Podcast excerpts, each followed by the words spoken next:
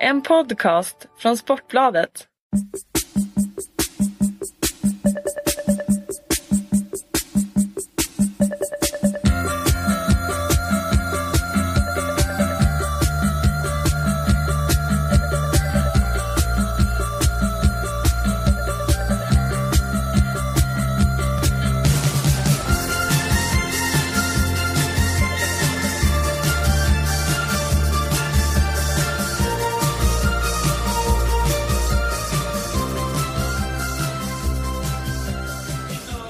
Allesammans och välkomna till 51% fotboll, folkets podd där vi diskuterar pressfika.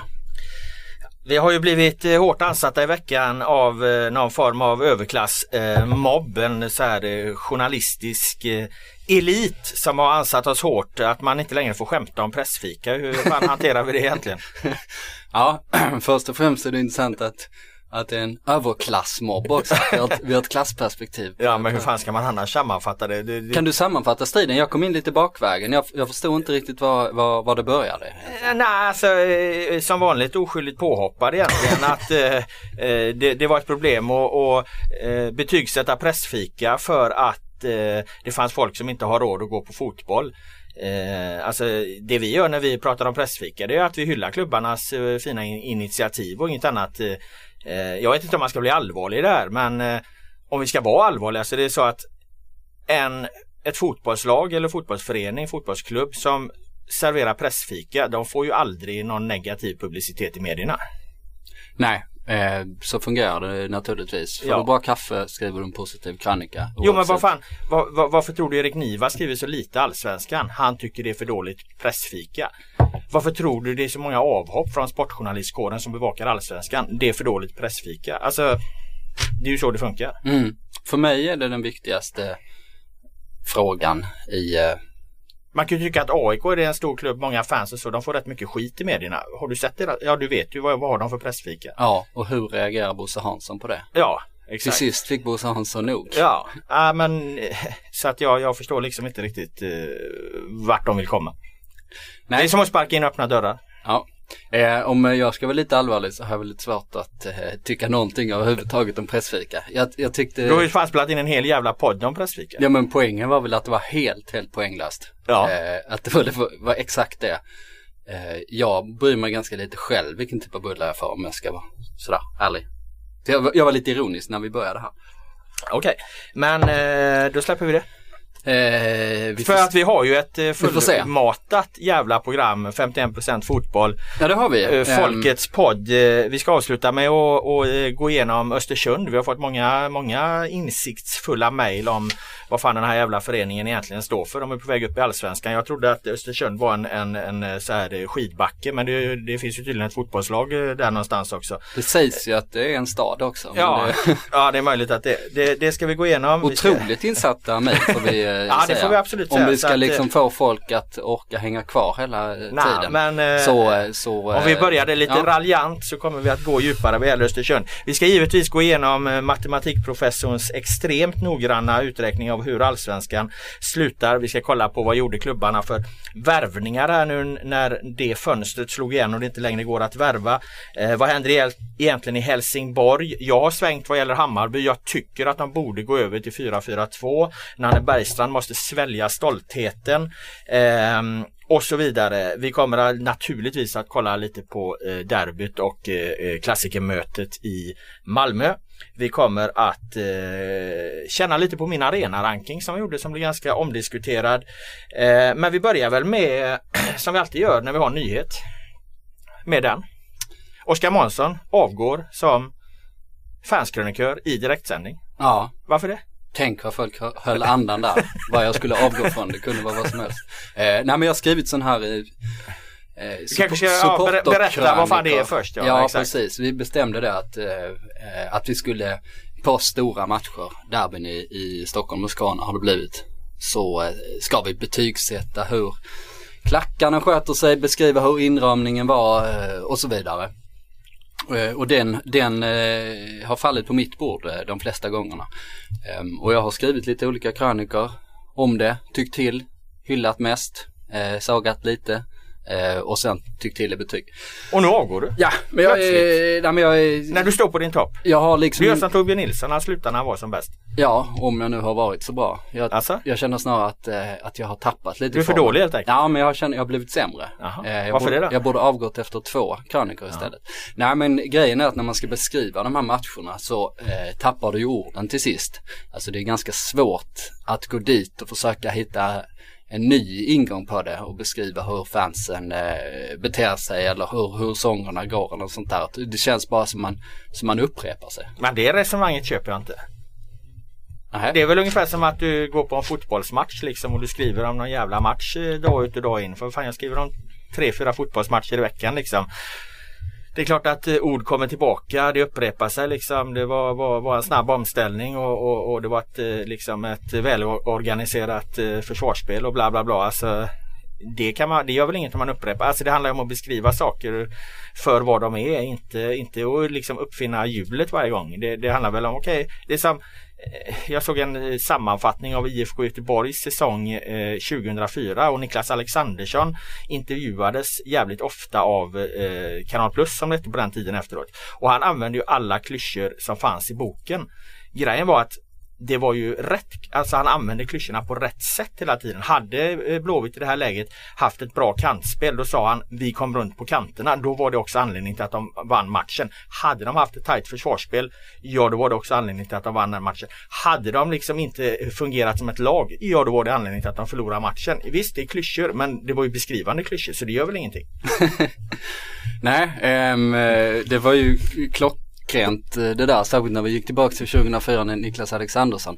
Han jobbar ju inte som journalist. Jag kanske inte bara ska skriva att de kom runt på kanterna när jag tittar på en match.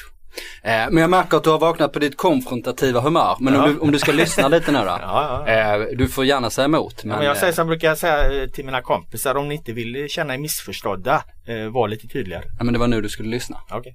Ehm, och en fotbollsmatch är jävligt mycket mer komplex eh, och du ser aldrig samma fotbollslag mötas vecka in och vecka ut. Så jag menar jag underkänner inte genren men jag känner att jag har eh, Du menar att det går ett slentrian i supporterleden eller? Nej, jag menar att jag är trött på att eh, skriva den typen av krönikor och någon annan borde göra det. Sen kanske jag kan hoppa på det, vad vet jag, om ett par år igen. Men eh, Så du har inte avgått helt alltså?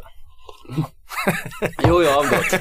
Men jag har liksom avgått på Henke Larsson eh, sättet. Ah. Men okej vi säger så här, jag skriver inga fler den här säsongen. Nej okej. Eh, det, det får någon annan göra i så fall. Så du tar inte då, eh, vad har vi kvar? Vi har eh, Hammarby-Djurgården va och eh, Hammarby-AIK på Tele2 de två derbyna Ja, i Stockholm och ett. Skånederby. Och så har vi ett eh, Göteborgs-derby här i Göteborg om man nu kan kalla det derby mellan eh, Blåvitt och Häcken. Det har väl inte liksom på riktigt samma nivå där. Nej, där har vi inte... Men vi har Skånederbyt kvar vi inte i, skick- på Olympia. Ja, exakt. Nej, Göteborg har inte skickat in någon eh, tyckare, men de, Nej. de derbyn har inte den eh, digniteten. Den hetaste matchen i är ju västderbyt som man kallar det nu för tiden. I de regionerna, Elfsborg, Blåvitt. Så är det. Eh, men rubriken håller då alltså. Oskar Månsson avgår som fanskrönikör. Ja, det gör den. Eh, däremot har, det, har den gett ganska intressanta uppföljningsspår som man kanske borde titta på, eh, eller vad ska man säga, som fördjupar diskussionen kring saker och ting. Låt höra. Eh, jag var eh, kanske lite eh, snabb när jag tyckte nu senast. Ehm, då handlar det mycket om att AIK inte hade något tifo. Och är man supporterkrönikör då är ju tifot eh, är ju liksom 50% det man tittar på liksom. Mm. Alltså det är en match mellan särskilt AIK och Djurgården kan man säga. Eh, ja, Hammarby också för den delen. Mm. Sorry, jag var tvungen att ta lite kaffe. Ja, ja, du, du börjar så. Nej, nej, ja. på så hög, hög nivå. Ehm, och jag skrev då att AIK inte hade eh, något tifo och jag dömde ut arenabolaget eh, på grund av det för att tifogruppen i AIK har, eh, eh, har känt sig motarbetade av dem under lång tid och eh, fick lägga ner sin verksamhet. De sa att de klarar inte det längre. Och de skrev bland annat att arenabolaget hade fakturerat dem för tiden som de har använt på arenan. Vilket låter helt eh, vansinnigt dumt då, av en arena som eh, behöver all positiv publicitet den kan få, inte minst Friends. Är det, eh, men är det Lagardère då, alltså de som sköter driften av som har kommit in med de här nya direktiven då? Ja, det är väl själva arenabolaget då. T- Som eh, eh, Thomas Perslund om vi då ska hänga en Avgå specifik, avgående VD, ja eh, precis. person. Precis, men jag fick ett mail från en person inom eh, arenagruppen som påstod att de inte hade fakturerat. Eh, däremot skriver den här personen så här, vid några enstaka tillfällen har inte överenskommelsen följts av TIFO-gruppen, vilket medfört extra personalkostnader och kostnader för städning och återställande av inventarier efter skadegörelse med mera. Eh, dessa kostnader har vi naturligtvis varit tvungna att skicka till AIK. Är inte det relevant eller är inte det rimligt då att eh, ifall det blir ett extra jobb för dem så, så måste ju någon ta smällen eller eh, vad menar du där? Jo, eh, det var eh, inspelet jag fick från Arenabolaget. Ja, just det. Um, sen fick jag även från eh, mail från uh, uh, Patrik uh, Sundberg som är uh, ordförande i AIKs allmänna supporterklubb. Um, som har en liten annan syn på det. Uh, detta gäller inte bara TIFO-gruppen, alltså det vill säga att, att de har haft svårt att samarbeta med Arenabolaget. Arenabolaget med avgående Perslund i spetsen har konsekvent vägrat att ta möte med supportrarna och hänvisar till att AIK är deras kund, inte supportrarna. Um, och sen går vi vidare med fläktarna som jag skrev om. När ska de fixa fläktarna för att liksom bengalrök ligger ju kvar som ett lock liksom och då påstod påstår eh, Allmänna supporterklubben att deras gräsombudsman som de har eh, tillsatt som någon slags eh, expert på gräs från början. Vilket... Eh, Är han även nu expert på rök? Eh, han, de verkar som att gräsombudsmannen har kollat röken också. Okay. Eh, de kom i sam... En rökombudsman alltså? Exakt, de borde byta om. By, byta titel. Eh, de kom fram i samråd med en ventilationstekniker som undersökte arenan för att hitta ett sätt att syresätta eh, gräset. Med vinklingsbara don på fläktarna kan man skapa en skorstenseffekt och tömma arenarummet på pyrotek pyroteknisk rök på bara någon minut. Just nu sprutar fläktarna luft rakt ut eh, och skapar det lock som hindrar röken från att passera genom takluckan. Så, det var väl ganska intressant. Eh, ja, det var intressant. Var mycket Eh, information kanske? Ja absolut men jag måste ju återigen vara djävulens advokat här alltså. Så länge man inte har fixat de här fläktarna så vad fan måste man ta i sig? Man skiter knäck. Och, och dra iväg så jävla mycket rök. De vet ju vad som händer. Det är ju fullständig idioti. Det har ju varit så på Tele2 också. Det där blir ju en faktor i matcherna. Nu måste liksom lagen anpassa sig och, och eh, nästa gång vi skriver en förhandsartikel på derbyt då blir den första frågan okej okay, hur eh, sköter ni, hur har ni lagt upp uppvärmningen för dubbel pausvila och att matchen inte kommer igång? Jag menar Stefan Ishizaki pratade ju efteråt att hans kramp, ja men det var antagligen en konsekvens av att de fick väntas in i, i, in i helvete länge. Då blir det ju bara liksom, då blir det ett sabotage i så fall. Då får man väl vänta till man, har, de vet ju att de inte har fixat de här fläktarna. Eh, vad, vad är det för jävla krigföring att förstöra spelet eh, innan de har fixat det? Det får man väl göra som på allt annat sätt liksom med, med dialog och med, med, med lobbyarbete och så vidare. Jag gillar inte alls den eh, den eh, det attityden som de kör liksom att ja men det ska vara, vara si och så. Nu var det inte så mycket bengaler, nu var det mer sådana här rökpjäser, de är inte så jävla farliga. Det är klart att det går att hitta ett samförstånd där, det är väl ingenting man behöver liksom förstöra de sportsliga förutsättningarna för tycker jag. Men det där var väl ett försök till konstruktiv lösning? Att man fixar fläktar? Om det är arenabolaget som inte vill fixa Ja, de- fläktarna ja, så, de- så måste man väl kunna se Ja, ja. gråskalorna i det också. Ja men de du resonerar eller hänvisar till absolut. Men jag menar jag antar att det var han eh, Sundberg som stod med, med rökpjäserna där liksom. Det är ju det jag vänder mig emot. Inte, inte liksom att man kommer med en, med en, eh, en bra och konstruktiv lösning. Det är väl jättebra men eh, vad fan det- det handlar ju om de som skickar ut röken. De vet ju att det blir avbrott. De kalkylerar ju med det. De är fullständigt medvetna om det och de förstör ju då medvetet för de sportsliga förutsättningarna. Det kommer jag aldrig köpa att man man eh, använder sådana grejer. Det är som om jag skulle springa ut på planen och känna att nu vill jag göra en intervju med målskytten här liksom. Nu får ni vänta och spela liksom. Nu vill jag ha första tjing här och så förstör jag liksom för, för massa människor. Det är klart jag inte gör det liksom. Alltså man, man, man tar väl saker i, i, i dialog och, och via samförstånd. Det är väl jättebra liksom att, att han har en konstruktiv lösning här nu då, rökombudsmannen på, på det. Men eh, nej, jag är, är inte riktigt enig med att man ska liksom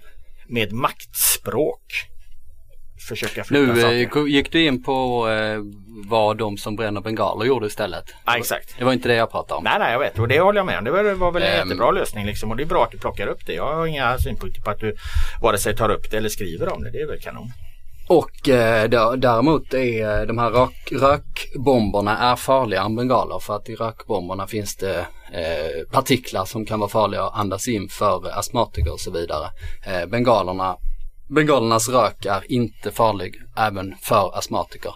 Eh, det har jag undersökt med alla tester som gjorts bengaler och landets ledande experter, dessutom de ledande experterna i England på de här ämnena har, ja. har undersökt det. Jag eh, tvivlar inte en på stor det. Eh, granskning som eh, tyvärr inte har fått eh, publiceras för att den ansågs eh, obekväm. Jag, tviv, jag tvivlar absolut inte på det men eh, jag önskar dig lycka till att få bengaler i folkmassa tillåten. Jag tror inte att det kommer hända men vill du, du ta den striden så kör.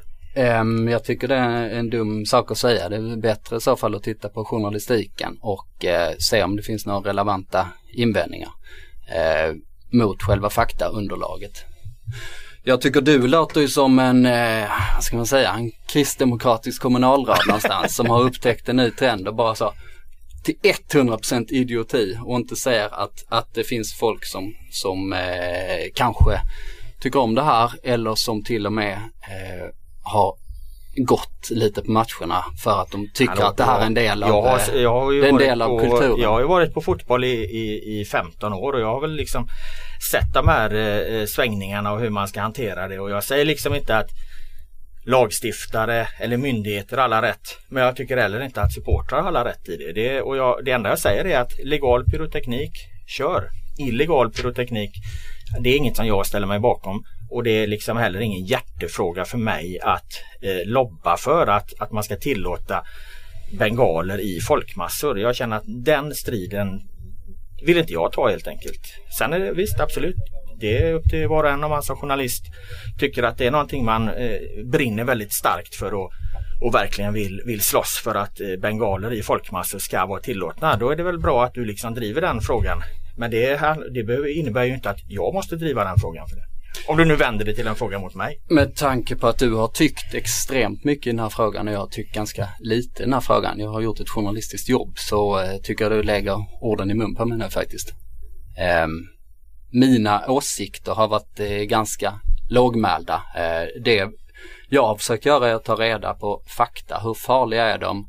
Varför är det sådana avbrott? Den här säsongen plötsligt efter så många år när vi inte haft avbrott.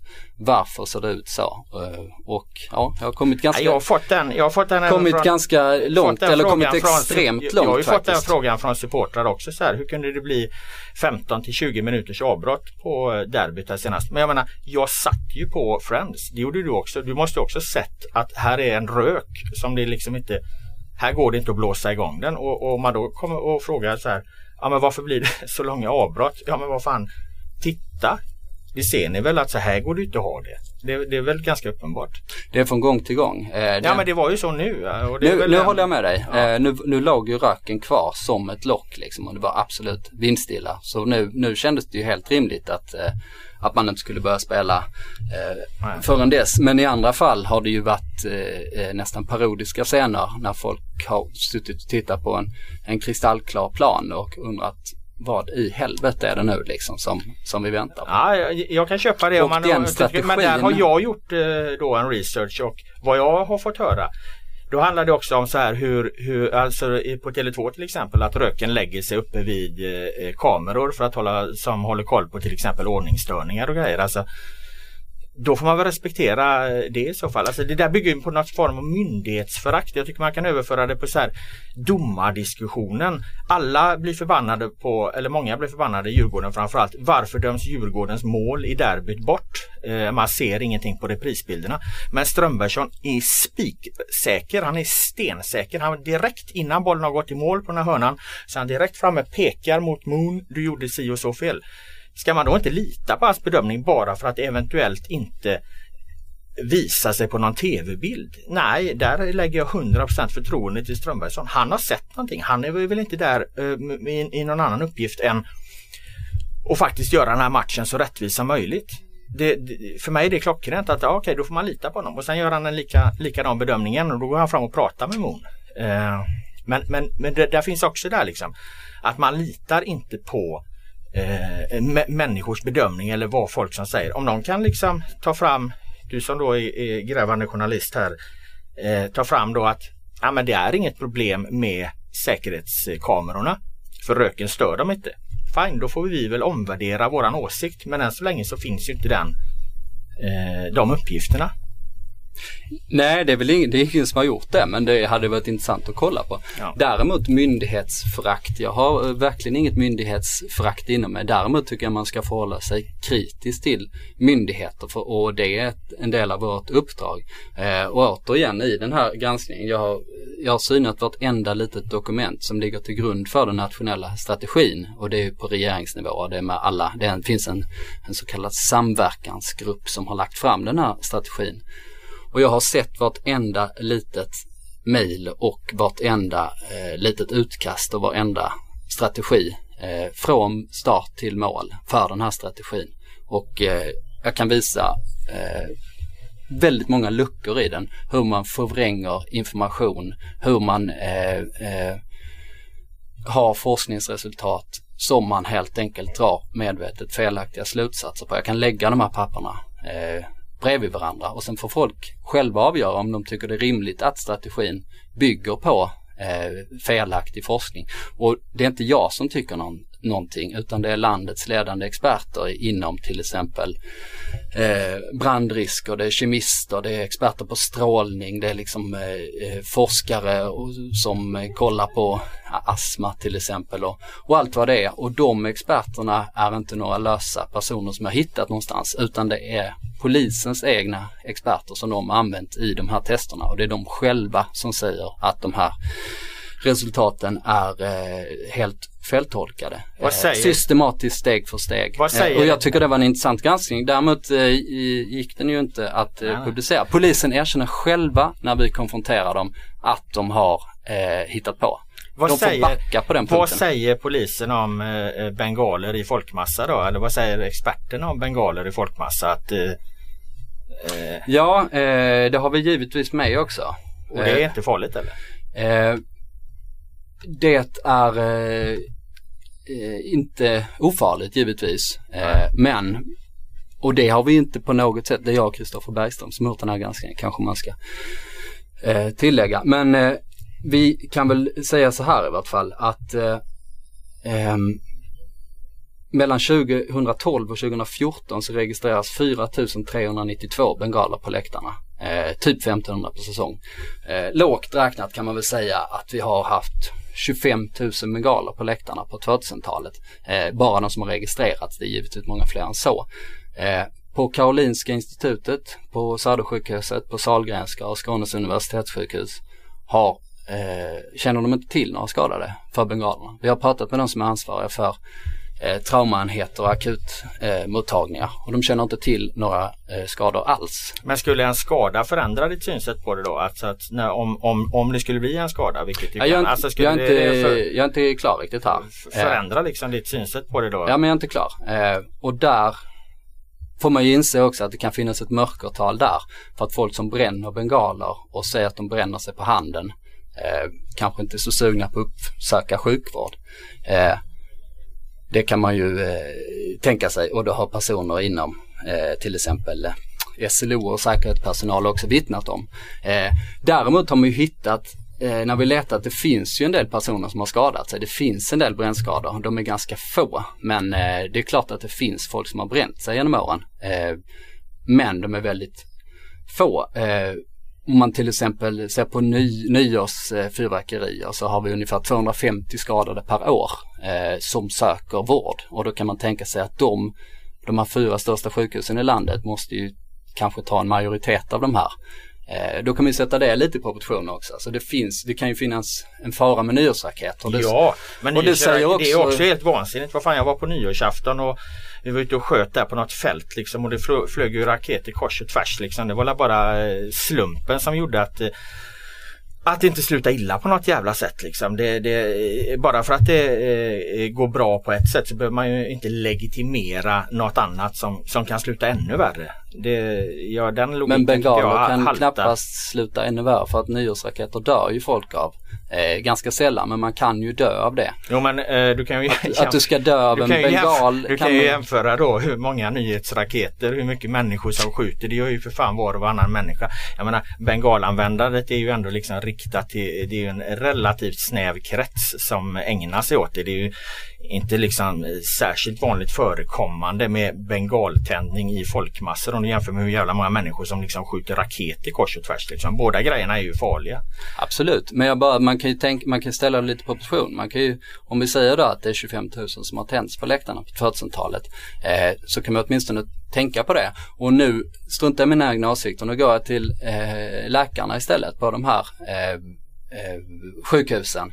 Det vill säga som uppenbarligen borde kunna det och de säger att man måste ju förstå skillnaden mellan att hålla en pjäs eh, ovanför hu- huvudet som ska, som ska brinna och en explosionspjäs. Eh, pjäs. att det är mycket farligare med nyårsraketer. Det är inte min åsikt utan det är Nej men det håller jag fullständigt deras med åsikt. Det, håller jag Eh, fullständigt det finns ingen risk för att det börjar brinna på en läktare, eh, säger eh, experten för brand, eh, brandmyndighetsexperten som polisen anmält sig, an, använt sig av i sina tester eftersom en, en läktare är gjord av stål och betong. Eh, röken är inte farlig som sagt. Optisk strålning eh, som polisen sa att det var farligt eh, är inte ens en faktor. Dessutom kan vi visa att deras expert på optisk strålning gick hem innan testerna gjordes. Han läste lite på Men är det så? förpackningen. Men jag är inte klar. nej, vänta, nej, men men nu är jag klar. Ja, men du dig- och där, nu kommer jag till. Känner du dig som en så här missförstådd eh, Eh, du, du, liksom, du är någon form av profet här liksom som inte får, du får inte ta ut ditt budskap i, i Sportbladet och inga myndigheter förstår dig. Alltså du, du, du eh, låter som att eh, du är någon form av Eh, du, du vet någonting som inte andra vet och det finns en konspiration här på Sportbladet som inte låter detta komma fram. Är det liksom det du säger? Eller jag, jag... Får jag fortsätta på det jag sa? Ja. Eh, däremot finns det en risk att det börjar, att det börjar, eh, att det tar eld i till exempel en jacka eller en flagga på läktaren och det kan utlösa en paniksituation. Det, där i ligger risken eh, och den får man själv bedöma hur stor den är och liksom hur, eh, eh, ja, hur mycket, hur mycket eh, och vilka metoder man kan tillämpa eh, på grund av den risken. Det får man väl dra sina egna slutsatser av helt enkelt. Absolut. Där var jag klar med det. Eh, jag vet inte om, om jag behöver framstå som eh, Nej, nej, men jag bara om du kände att eh, du liksom, för du var inne där på ett tag att ja, men du får inte publicera saker här och, och alltså det är ju inget bra klimat liksom. Nej detta har vi inte fått publicera. Nej. Så det tycker jag är dåligt helt enkelt. Så alla är emot dig liksom. För jag menar det är ju inte jag som sitter och bestämmer vad som publiceras eller inte. Det finns ju rätt många chefled så som ja, avgör vad, vad är relevant och, och så vidare. Och varför är det, det finns ingen annan tidning som har publicerat det? Är det samma grej där liksom att journalister hålls tillbaka från att berätta sanningen eller är det du, bara du som sitter på denna sanning eller? Jag vet inte varför du ska förmin- Nej, jag bara- förminska mig så. Vi, Nej, jobb, jag- vi jobbade i, i två veckor med det. Ja, jag- eh, vi har jo. jobbat, vi har Jag är, jobbat ny, jag är i... ju nyfiken på det eftersom du tar upp det som ett exempel på att eh, eh, saker inte får publiceras i Sportbladet. Det är klart att jag måste ställa frågan liksom. Vad fan handlar det om? Ja exempel, eh, det var den här saken fick inte publiceras. Punkt. Eh, och alla emot mig vet jag väl inte. Det är säkert många som, eh, som tycker att man kunde göra det. Men, men här tog vi beslutet att man inte får göra det. Och vi la ju två veckors eh, tid på det. Vi använde alla våra kontakter som vi haft under många år eh, som gjorde att vi kunde få loss all dokumentation. Och polisen erkände själva att vi, eh, att vi hade rätt, att de hade eh, förvanskat eh, testresultat och eh, sen eh, hade de lite motargument till exempel att det fanns en ny typ av bengaler och sånt här också och då får man väl titta på det. Eh, så vitt vi eh, har kommit fram till så finns det två typer av bengaler som är extremt dominerande. Man har gjort två undersökningar på det i bland annat i Djurgården i klubben, vilka folk har. De heter Comet och Ikaros och eh, det är de röda som man ofta ser. Det är de vanligaste, billigaste. Ja. Ja, var du klar eller? Ja. Något mer att säga om bengalerna? Eh, nej, det har jag inte. Det fanns ju mycket mer eh, detaljer i det här som var intressant och, och eh, som sagt det är, det är ju eh, upp till en själv att eh, avgöra. Eh, vi försöker hålla oss till fakta helt och hållet. Legal pyroteknik är bra. Illegal pyroteknik står jag inte bakom. Oskar Månsson vill driva den debatten. Ska vi lämna det ämnet och gå vidare med våra övriga punkter på körschemat? Eh, ja, ja, vi får rulla vidare. Ja, det kan vi göra. Eh, vi har ju haft två otroliga matcher här som har spelats eh, eh, om man backar bandet lite och eh, det kan vi väl göra. Vi har ju haft eh, ett eh, mästarmöte nere i Malmö mellan Malmö FF och IFK Göteborg och vi har då Stockholmsderbyt där vi precis har berört liksom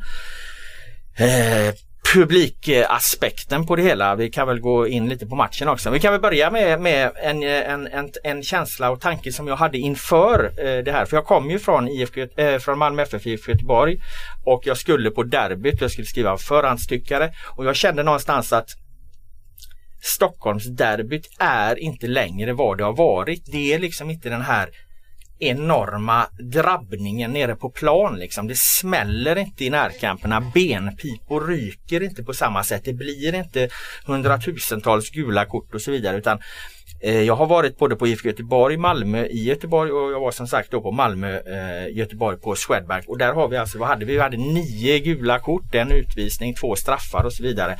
Eh, min känsla var att de här matcherna får en helt annan kampmoment än vad Stockholmsderbyna får och det kan ju givetvis bero på liksom att både Djurgården och Hammarby har ju idag konstgrästrupper trupper som är mer anpassade för eh, konstgräs och vissa av matcherna spelas ju till och med på konstgräs. Eh, och, eh, eh, men även liksom gräsmatcherna har inte, har inte varit så. Så att när derbyt började och jag hade eh, Malmö Göteborg färskt i minnet så satt jag med och räknade liksom på 50-50 duellerna. Hur, hur, hur, hur många är de? Hur, hur, ser det ut? Jag slutade vid utvisningen för att eh, då förändrade matchen helt karaktär givetvis när det, när det blir utvisning. Men jag kom inte upp i särskilt många eh, eh dueller utan det tar liksom ett tag innan det hettar till. Det liksom i andra halvlek efter ett tag liksom. Då, då börjar det bli så här. Men det är inte så mycket. Och, eh, Djurgården till min förvåning vinner ju faktiskt flest 50-50 dueller under eh, första halvlek och de har ju alls inget fysiskt lag. Det talar ju för att AIK utnyttjar inte alls den fördel de kanske skulle kunna haft genom att eh, gå in stenhårt i dueller. Mm. Ja, jag håller med. Eh, det är ju en, det är ju som du var inne på eh, konstgräsutvecklingen. Nu spelas inte den här matchen på konstgräs men Djurgården har ju värvat spelare som är bra på det, det ja, underlaget. Exakt. Det har varit ganska uttalat till exempel eh, med Berntsen och eh, Moon som är uppväxta på eh, konstgräs eller åtminstone Amuns bakgrund i Sydkorea. Jag kan inte svära på hur sett ut. Men han har ju eh, spelat i Östersund de sista säsongerna och Berntsen eh, som kommer från Tromsö från början har definitivt bara spelat på, på konstgräs. Och så eh, jo men absolut och det eh, vet jag inte, vissa sörjer kanske det. Man kanske vill ha de gamla duellerna med Christer Nordin matcherna ja. där liksom. När man... Men där tror du inne på någonting för att det tänker jag också på. Redan efter två minuter så får ju Henok Goitom en passning upp till sig och han eh, är på väg att få en, eh, en tryckare i ryggen. Då gör han ju någon form av Zlatan-pass liksom där han bara lägger bollen över hela backlinjen och friställer Mohamed Bagora. Det, det har ju också liksom skicklighetsnivån har ju ökat något eh, eh, oerhört eh, jämfört med hur det såg ut för, för ett tag sedan. Så det kanske inte bara liksom eh, det kanske också är en utveckling av spelet tänker jag. Mm. Absolut. Ehm, och eh, ungdomslandslagens framgångar kan man nog koppla en del till eh, eh, konstgräset faktiskt. Eh, oavsett vad man nu tycker om det som matchunderlag. Ja, eh, för att man eh, kan träna mycket eh, mer och mycket bättre liksom oavsett vilket, vilket väder det är. Um, en annan grej där, det finns ett Twitterkonto som jag sett att du följer också och en hemsida som heter Allsvenskan Taktik. Mm, den är bra. Jag vet inte vem som ligger bakom det. Nej men han sitter och kollar på matcher i efterhand och gör lite så här liksom frysbilder och så vidare. Så. Ja, ja, jag tyckte han ringade in det här Stockholmsderbyt på nästan det bästa ja. sättet för att känslan var att eh, Djurgården kunde ju verkligen gått på knock i andra halvlek om de hade velat, om de verkligen hade eh, eh velat vinna den här matchen. Um, så hade de kunnat gjort det. Och nu försvann. Laul och ska, och ska hämta Oshin. Han står och stampar. Okej. Okay. Um, nej men då hade de kunnat gjort det och det här uh, um, den här allsvenskan taktik kunde ringa in det.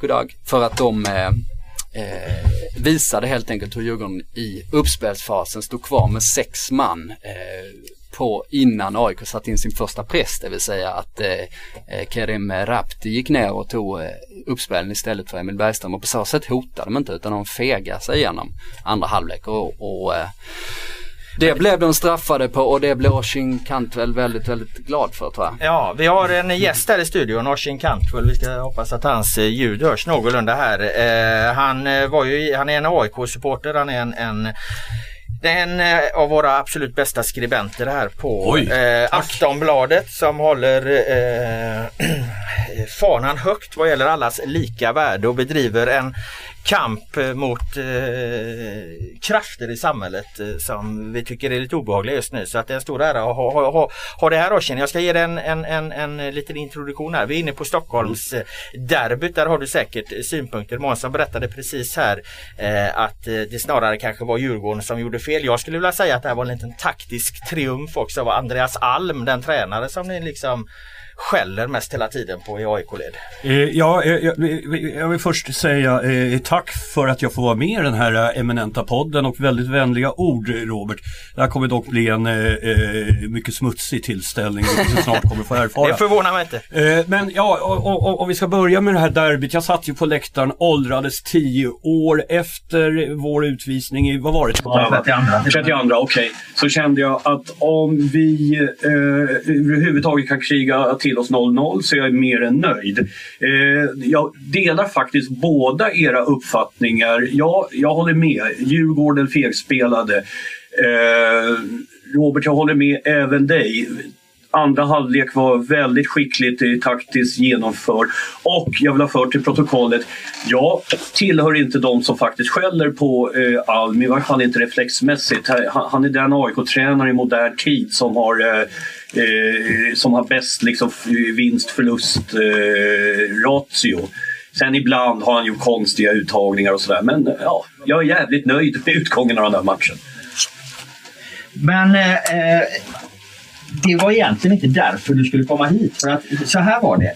Eh, på den och skötter med näven för att du är så förbannad för att vi har gjort en, en stor uträkning. Hur kommer den här guldstriden sluta nu? Jag har tagit på mig det här enorma ansvaret att, att liksom försöka tippa tippa hela jävla eh, allsvenskan hur den kommer gå. Det är ju 11 mm. matcher för sex lag. Liksom. Ja, det är ju egentligen en övermäktig uppgift. Men du kommer alltså rusande upp här liksom, ja, och spottar, fräser och svär. Ska... Och när jag säger till Oskar Månsson att eh, Oshi vill eventuellt vara med i den här podden så säger eh, Oskar att ja, på ett villkor det är att han är jävligt arg. Hur arg är du egentligen? ja, om vi säger så här, du ska vara jävligt glad över att jag fick tag på dig då. Då, då, då, då, min ilska var som hetast. Möjligen har jag lugnat ner mig något, möjligen. Men med det sagt om jag var din chef så skulle du få sparken. Alltså det här är ju oacceptabelt. Vi har en göteborgare, uppenbart färgad, som tippar liksom fucking usla Göteborg som seriesegrare. Ett lag som väl inte har vunnit en match på fem omgångar, som har tappat Lars Wibe, som har tappat hela sitt spel. Men så... tror du verkligen på det här liksom att som, som journalist så är man så jävla färgad liksom så att man, ja, men, man sitter här och tippar liksom så, ja men jag är från Göteborg och Oskar är från Malmö ja, men... och, och så att, ja men då fan nu, nu tippar jag Göteborg för att eh, ja vad det nu skulle göra Oskar är, jag vet Os, inte. Oskar är en mer resonabel person än vad du är. Du, du, du, du, du, du, men vad, vad är det? Ja, du kan inte, göra, du kan inte göra något okay. saken. Du är så mycket göteborgare men, men, så att det liksom så att det pyser Göteborg. Vad, vad, vad är, det, vad är det som händer med Göteborg, skulle jag då tro, när jag tippar dem först? Liksom, får de då liksom ett bättre självförtroende för att Robert Laul har satt dem högst i tidningen? Eller du menar att det är så känslor som jag inte liksom kan motstå? Ja, ja, alltså, jag, jag, är inte säker på att du är medveten om det. Omedvetet någonstans i det tuggar någonting. Göteborg måste vinna, Göteborg måste vinna. Jag är göteborgare, jag kommer från Göteborg. I sak ligger det till på följande vis. Det kommer stå mellan Malmö och AIK. Och varför kommer det göra det? Malmö har den starkaste truppen, om det råder ingen tvekan. Eh, det har tagit dem hela våren och eh, få ordning på alla nya spelare.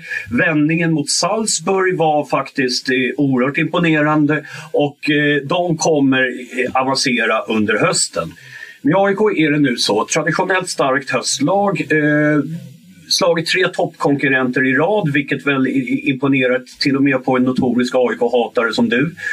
Eh, det är... måste jag ju nej, invända. Alltså om du är journalist så måste du ju bara älska AIK. Alltså, ja, vilka, jo, jo. Ja, men, vilka det, det, det är därför jag undrar varför alltid gnäller. Vilka Sport... tapetserar våra ja, sport, sport, Sportbladet hade inte överlevt. AIK är ju fantastiskt ja, sportbladet, det Sportbladet alltså. hade Oskar Månsson, hur många artiklar hade du fått skriva om ja. inte AIK hade funnits? Alltså, eh, denna man från Malmö. Ja, men alltså, hela, hela, nationen är ju, hela nationen är besatt av AIK. Allt kretsar kring AIK.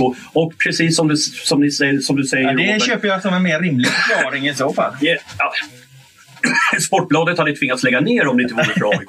Men hur som ska vi kanske inte dra det, men vad kommer du säga? Jo, jo, varför kommer det då stå mellan Malmö och AIK? Jag har redan förklarat varför eh, Malmö kommer att återfinnas långt, långt, långt där. Ja, du hade någon, någon lös teori om att AIK var ett bra höstlag också. Ja, har du något mer att bygga det på? Eller? Ja, om jag får prata till punkt. Absolut. Om jag kan få behålla min surt förvärvade röda tråd. Men trodde du att du skulle komma hit och inte bli motsagd? Ja, eller vad fan hade du väntat dig? En öppen estrada? Jag hade i varje fall förväntat mig att jag kan få lägga fram min tes först och sen så kan du börja hacka på den. Inte tvärtom. Men hur som helst.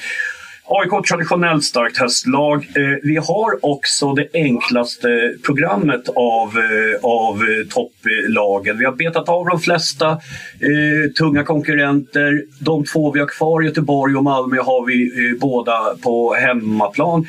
Årets bortaspöke tycks, hoppas jag i varje fall, ha brutits i och med bortasegern mot Norrköping. Vi har gjort mycket bra förvärv. Eh, Joss imponerade nu i derby trots att han är matchovan. Ishis Isak visar sig fortfarande spela på väldigt hög nivå.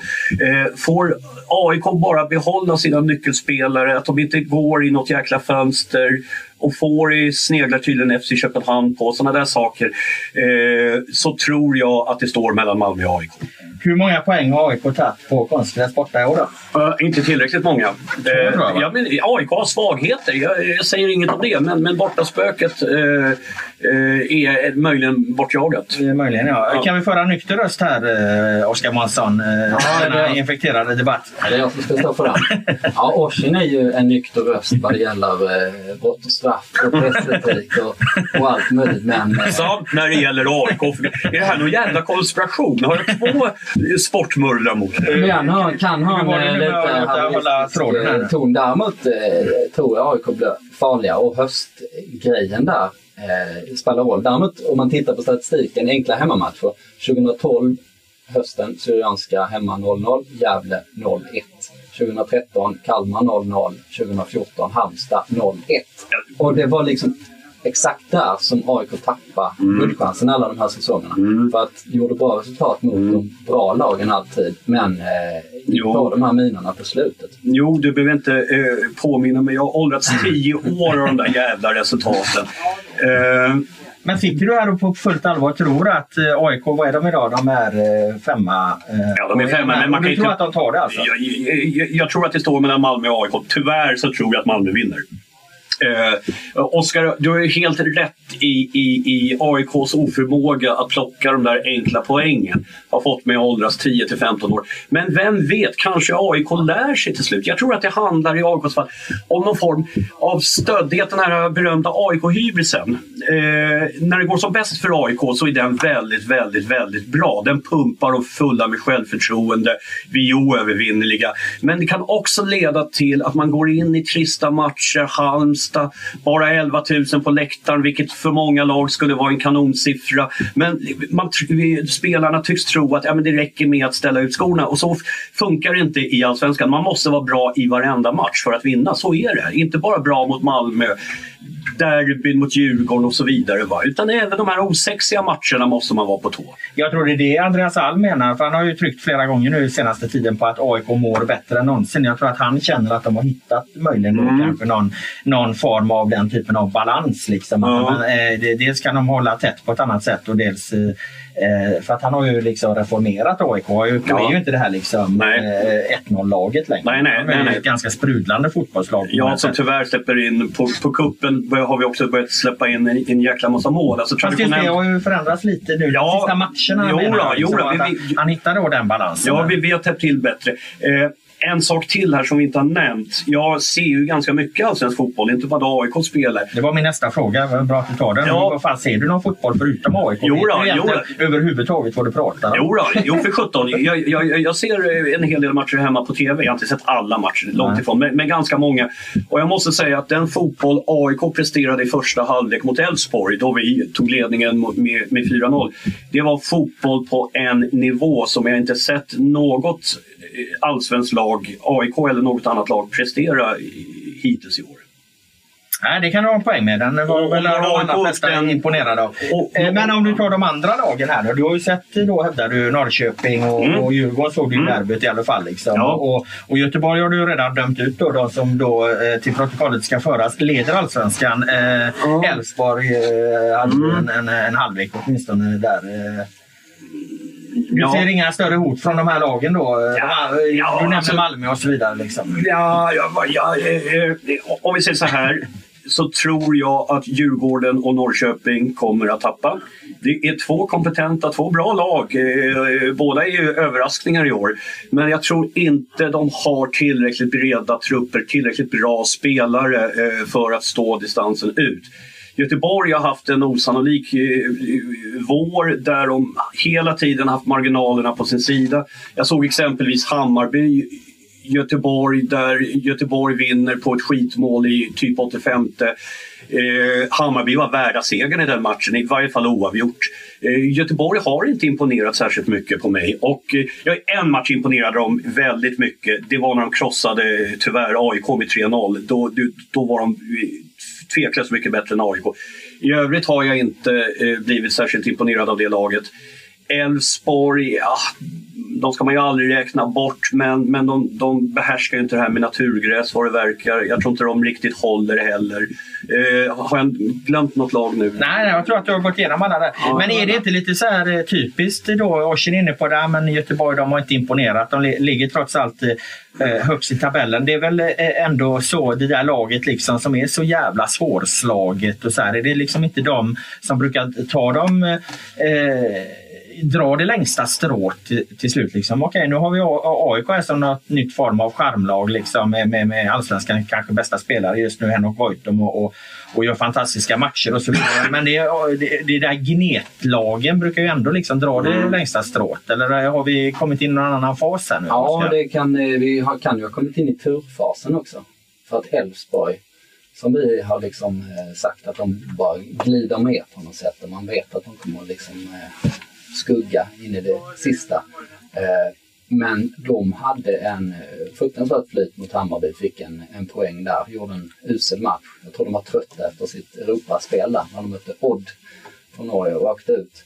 Eh, och sen kan de ha gjort allsvenskans viktigaste mål redan. Det är straffen. Straffen igår, ja. ja. Men där hade de ju också, alltså, att, att, att göra mål på straff i typ matchens absolut sista övertidssekund för att liksom slå Gävle. Det, det imponerar inte. Men du kan ha rätt i att sånt här räck, kan räcka långt. Liksom. Ja, och det var dessutom ett sånt här eh, sjukt läge. Alltså, de hade tapp, eller, hämtat upp 2-0 till 2-2. Eh, Albertinelli har bollen eh, i en absolut sista forceringen. Eh, kan skicka in ett inlägg men slår en helt vansinnig pass inåt banan så Gävle kan kontra. Eh, men sen lyckas Gävle spela, jag tror det är Belander som lyckas liksom trassla bort bollen på mittplan. Ja. Så skickar Elfsborg in den igen och får världens billigaste straff som, som däremot var korrekt. Ja, det är en korrekt dömd. Det hade ja, vi en bra bild på, på Sportbladets framsida. Ja, den är korrekt liksom. dömd alltså, men det, det är så jävla dumt. Alltså, men det ska bill, inte... billigheten i det. Så, ja, så eh, de här klassiska avgörande målen. Eh, Oshin minns ju Kärnas eh, på Ullevi. Det, det var ju inte avgörande för det var flera. Nej, de, ja, men, men de här ikoniska bilderna, det, men det kanske var den vi fick där. När, eh, det kanske inte var så glamoröst men eh, den, den poängen där. Eller de, de, tre till de två de fick i slutminuten och de tre som de lyckades kriga till sig. Ja, du, men, ja, men Elfsborg är ju fotsexiga. De får helt enkelt Gulliganer, vad är det för skit? Jag måste säga en sak som jag... Elfsborg är väl det mest stabila liksom, ja, allsvenska bygget. Jag vill ja, men de är så förtvivlat tråkiga. Och, och tycka att det, det, det är häftigt att kasta skit på bönder som ni i Stockholm gör ja. för det mesta. Men eh, jag menar, det är väl det lag som under över tid liksom har presterat.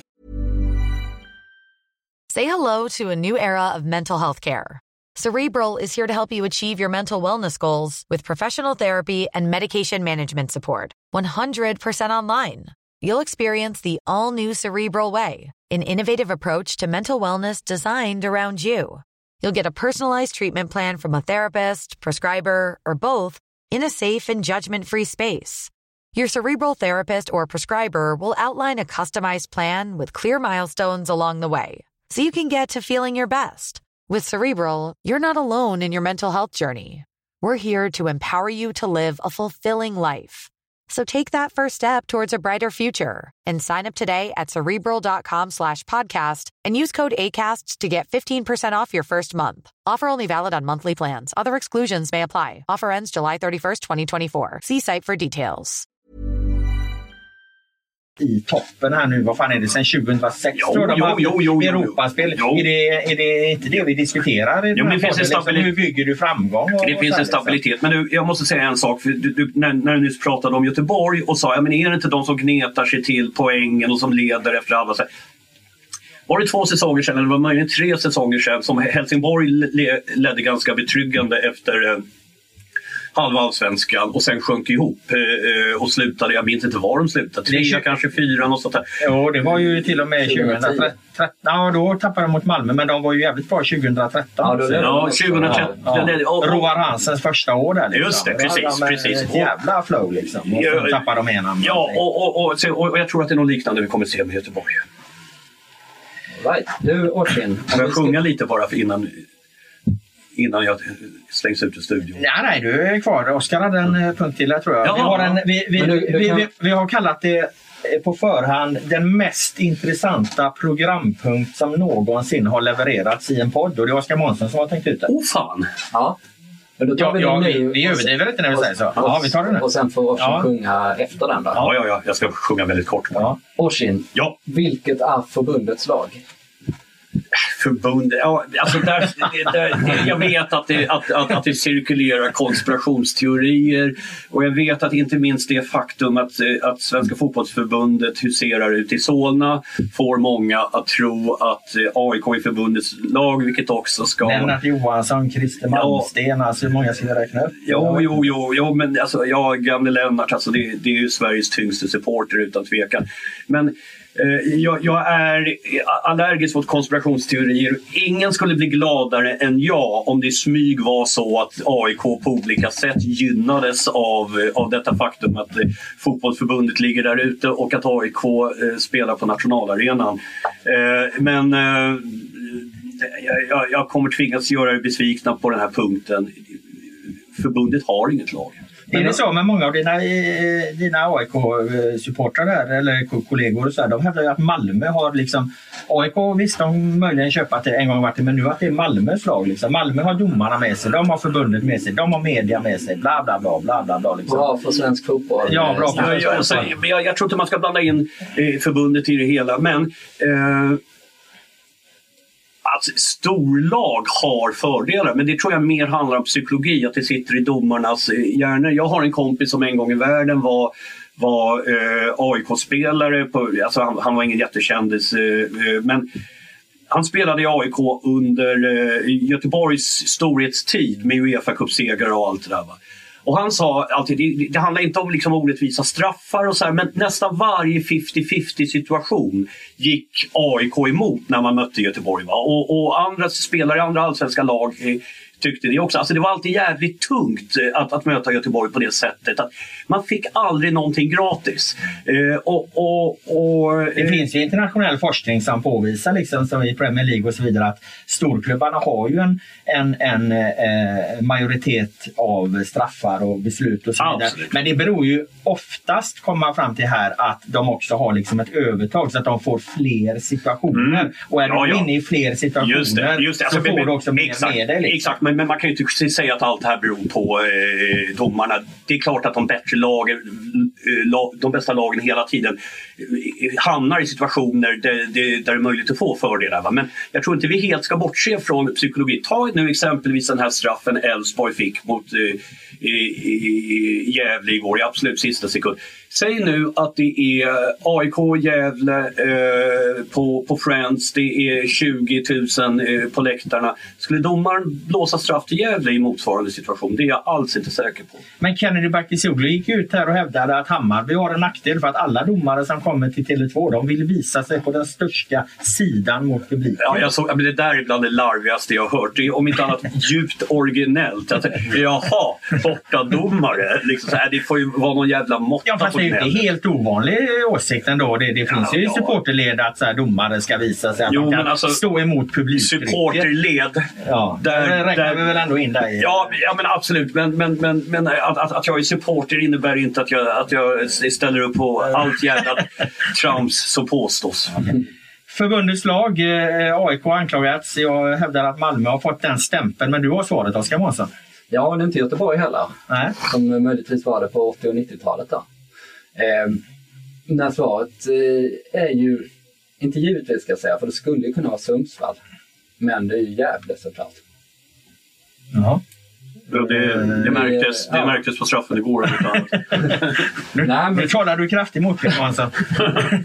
Jo, men så här, det finns ju en Fair Play-liga eh, som eh, eh, förbundet ansvarar för som kan innebära en plats i Europa och såvida Sverige rankar sig högt på en sån här Fair Play-ranking. En ganska godtycklig Mm. bedömning där va? Ja, det är här det blir intressant. För att Sundsvall leder det här året. Eh, det är därför jag då liksom sa att ja, kanske Sundsvall en dag. Eh, men som, som du säger, det här systemet har ju fått kritik för att det just är godtyckligt. Att det är eh, matchdelegater, att det är gubbar som sitter och äter bullar och tittar lite på spelet. Och sen är det inte bara spelet utan även supportrarna. Eh, och Gävle har ju faktiskt kvalat tre gånger har de kommit ut i Europa på det här systemet. Eh, och de har ju alltid absolut högst fair play-poäng bland sina supportrar. Eh, och det är klart att det händer inte så jäkla mycket på Strömvallen eh, med tanke på att de inte har så många och inte så engagerade supportrar. Då blir det inte så mycket skit heller. Eh, och frågan är om det är, är liksom är det rimligt att det ska vara så? Nu har du dömt ut Gävles supportrar som inte är särskilt engagerade. Nu kan, kan, kan du nog räkna med att det plingar till i mailboxen. För vad heter de? Det finns ju ett gäng där i True Blues som, som garanterat kan ha en avvikande eh, åsikt i det här sammanhanget. Nej, jag köper teorin. Men om man slår ut Fair Play-ligan de senaste tio åren då som Gävle har varit uppe i Allsvenskan. Skulle de toppa då alltså de som eh, sk- liksom regelbundet har hamnat högst i den här? Ehm, det är jag ganska säker på. Jag kan inte svära på Nej, det. men- Men med tanke på att de har kommit ut tre gånger i Europa. Det är inget annat lag som har kommit ut mer än en. Det var ju faktiskt Brommapojkarna som kom ut eh, i fjol. Ja, eh, apropå, apropå eh, det gick inte så bra för dem. Men, apropå det här att man eh, kanske vinner på att inte ha så många och så högljudda eh, supportrar helt enkelt. Och, och, och, och Kinatle, nu, nu, vi köper inte eh, konspirationsteorier men nu har vi fått fakta här att Gävle är förbundets lag. Håller du med innan du lämnar studion? Eh, Ja, alltså, håller, nja, alltså det, det finns en poäng i ditt resonemang, tveklöst. Men förbundets lag. Får jag sjunga min lilla trudelutt? Ja, kom nu så ska vi gå vidare på nästa punkt här nu. Var du inte eh, Några sekunder. sj- sjunger för illa här nu? vänta. Jag ser solen stiga över Åsunda. Jag ser hovets kom, is kom även den här och klar. podden få, få sin beskärda del av eh, mejl. Och bönderna de gapar utav fasa. Och snutarna de spejar och de tar. Så där, det räcker så. Ja, det Två räcker. färger, en trum. Och Oshin Cantwell har gjort sig eh, om möjligt ännu mer odödlig i de gul, gulsvarta leden. Vi tackar honom. För övrigt en Eh, gammal eh, Aftonbladet-kollega till oss som har skrivit texten till den här låten. Jaha, Det var mer än vad jag visste. vem då? Som jobbar på TT numera. Ja, Niklas före detta TT Johansson Gren eller? Ja, som, som inte bevakar AIK. Ja, nej, just för det. TT Nej, han får inte, faktiskt inte han- bevaka det. Alltså, Men- men, säger. Tack, tack, tack för Ja. att jag fick komma. tack Ja. själv Ashin. Ja, mycket trevligt. Det var, eh, det var högt och lågt. Ja, trevlig helg pojkar. Och eh, vi kom fram då till att AIK slutar femma i Allsvenskan. Så att Lägg- nu, lägg nu går vi vidare på nästa Det var en jävla punkt. tur att jag inte stänga dörren innan du sa Nu- det Nu där. går vi vidare på nästa punkt eller har vi något eh, vettigt att säga om Allsvenskan nu när vi har Ocean har lämnat studion? Eh, eller om guldstriden tänkte jag. Eh, Niklas Gren var- dök upp på, oss, eller på Friends förra sommaren tror jag. För de hade så, liksom, sjukdomar på TT så då fick han smyga där eh, och, och rapportera. Och försöka göra en väldigt objektiv bedömning. Eh, hur som helst. Har vi något vettigt att säga om guldstriden nu när vi eh, kan ta det i mer intellektuella termer? Ja, men du har väl räknat på det här va? Du, du har ju tagit matematik... Eh, Professor ett steg till ja. ja. Nej, ja, ja. Och, eh, det är möjligt, eh, om jag då ska vara kritisk mot mitt eget resonemang, att jag landar lite högt. Alltså, jag landar ju att Göteborg hamnar på 61, Norrköping landar på 61, Malmö på 60, Djurgården på 59 poäng, AIK på 58, Elfsborg på 58. Alltså, det är ju rätt höga. Det är många lag som, som ska gå jävligt bra här. Men jag tycker att när man tittar liksom på spelschemat så här har jag liksom tagit en plumpmatch där det verkligen går åt helvete. Jag har räknat med att de flesta toppmöten slutar liksom oavgjort. Givetvis inte då Malmö hemma mot Elfsborg eftersom Elfsborg inte riktigt kan vinna på gräs. De har inte bevisat det. AIK har lite fler plumpar på bortaplan eftersom det är så det har sett ut och det finns liksom ingen anledning att tro på, på ett annat sätt. Men, men går det ungefär då kommer man landa på, på de här siffrorna. Mm. Um, det, ja, men det är väl det som man kan ha som invändning då helt enkelt att eh, du har räknat på att det krävs 60 poäng för att vinna men om vi ska ha sex lag med så kan man nog vara ganska säker på att eh, det blir lägre än så. Att du tror att det kommer bli fler plumpar? Du har räknat med en grov plump för alla? Liksom. Ja, jag tror det. De kommer tappa poäng i matcher givetvis eftersom de möter varandra men de, de, jag tror inte att de i det här utgångsläget eh, på förhand gör så många fler plumpar. Något lag kanske gör det, men eh, Elfsborg då har, har, tappar ju rejält i den här eh, rankingen. Men man kan väl säga så här då, att, att eh, det är inte alls, eh, eh, eller inte alls otänkbart att ett lag ändå hamnar där uppe, men då gäller det kanske att det är två lag som rycker. Man kan i alla fall vara säker på att sexan i tabellen inte kommer få 58 poäng som Elfsborg får. Det, det, ja, det kan ju nästan inte bli så känns det som. Eh, för i så fall har vi, vad har det här, 61, 61, 60, 59, 58, 58. Det hade varit härligt om det blir så i och sig, men eh, ja. ja, det är väl det i så fall. Det kanske jag skriver en krönika också om att Andreas Alm hävdar att guldstriden inte har börjat. Jag eh, eh, hävdar att den definitivt har gjort det och jag leder ju det bevis genom att den eh, anspänningsnivå det är i matcherna är ju helt obegriplig egentligen. Alltså, vad, vad hade vi mellan Malmö och Göteborg? Nio gula kort, två, två straffar och en utvisning. Och, och, och derbyt här var ju också en, en, en jävla batalj. Liksom. Och, och, och de här matcherna, det är ju rätt många matcher de här topplagen ska mötas i och med att det är så många. Därför måste man hävda att den faktiskt har börjat. För att det blir ju en annan typ av matcher när de här lagen möter varandra. Det blir så oerhört viktigt. Vi kommer ju få enorma diskussioner om allt mellan himmel och jord. Jag har ju försökt gå ut nu och sätta ner foten att vi kan inte fokusera så jävla mycket på domar hela tiden. Det går inte. Det kommer bli ohållbart i längden. Eh, för, just för att den anspänningsnivån är där. Och den, jag hävdar all, nej den finns inte. Jo det gör den. Alltså, det är bara att titta på hur matcherna ser ut. Vem ger du, med, vem ger du rätt, mig eller Alm? Ja, alltså en guldstrid är får man väl börja definiera. Men eh, visst, jag kan väl, eh, jag kan väl vara med dig. För att ja, anspänningen kommer ju vara på topp i jäkligt många matcher och, och det är de redan nu. Så, så eh, jag går med matematikprofessorn för hennes skull. Går du även med matematikprofessorn då på att det blir Göteborg och Norrköping som landar på, på eh, eh, flest antal poäng och att det blir en målskillnadsstrid? Att det är IFK Göteborg som, som vinner allsvenskan. Du har redan sagt att Malmö ska vinna allsvenskan med 10 poäng. Det har du backat från. Men eh, tror du att Malmö har ju dem som trea i den här uträkningen? Tror du att de även kan köra om Norrköping och, och, och Blåvitt? Ja, i och med att jag tippade inför säsongen så står jag fast vid det. Du viker aldrig från ett lagt tips alltså? Nej. Och... Det gör inte jag heller egentligen, men det här är ju en uträkning. Det här är inget tips, utan det här är en, en, en matematisk formel som jag tar fram. Nej, eh, det är sant. Men om jag hade haft en superkänsla för något lag så hade man väl kunnat säga det. Men grejen är att jag inte har det. Alltså, eh, jag vet inte. Det, det känns ju nästan hopplöst. Eh, man kan knappt döma ut någon ens. Det är, det är på den nivån faktiskt. Elfsborg har jag ju dömt ut här då och det gjorde väl Ossian också då fast ja. på helt andra grunder eh, som eh, kanske inte är så relevanta för att det, att det, eh, det, ja, det, det, är de ju helt enkelt inte. Så att... Nej, samtidigt har du ju dömt ut dem som att de ska hamna tre poäng efter laget som vinner guld. Så det är liksom, Nej, exakt. Det, säger, det säger en del om hur jämnt det är. Har du något mer du vill säga om guldstriden eller ska vi säga att eh, vi har ju hållit på här ett bra tag i och med att eh, Oshim var med också. Eh, eller ska vi gå vidare till att ägna lite uppmärksamhet åt den övriga allsvenskan som ju absolut inte är ointressant? Ehm, det kan vi väl göra. Vad har vi, vad har vi för punkter? Ska vi kanske ta Helsingborgs ekonomiska kris? Den är intressant. Alltså, vad, de hade räknat med ett eh, publiksnitt på 10 000 va? och nu upptäcker de att de inte kommer komma upp till det och då kommer de här då att göra ett ekonomiskt minusresultat och då måste de eh, sälja spelare. Är det Henke Larsson-effekten här som har slagit fel då eller eh, varför kommer inte folk till eh, arenan i den eh, eh utsträckning som det hoppades?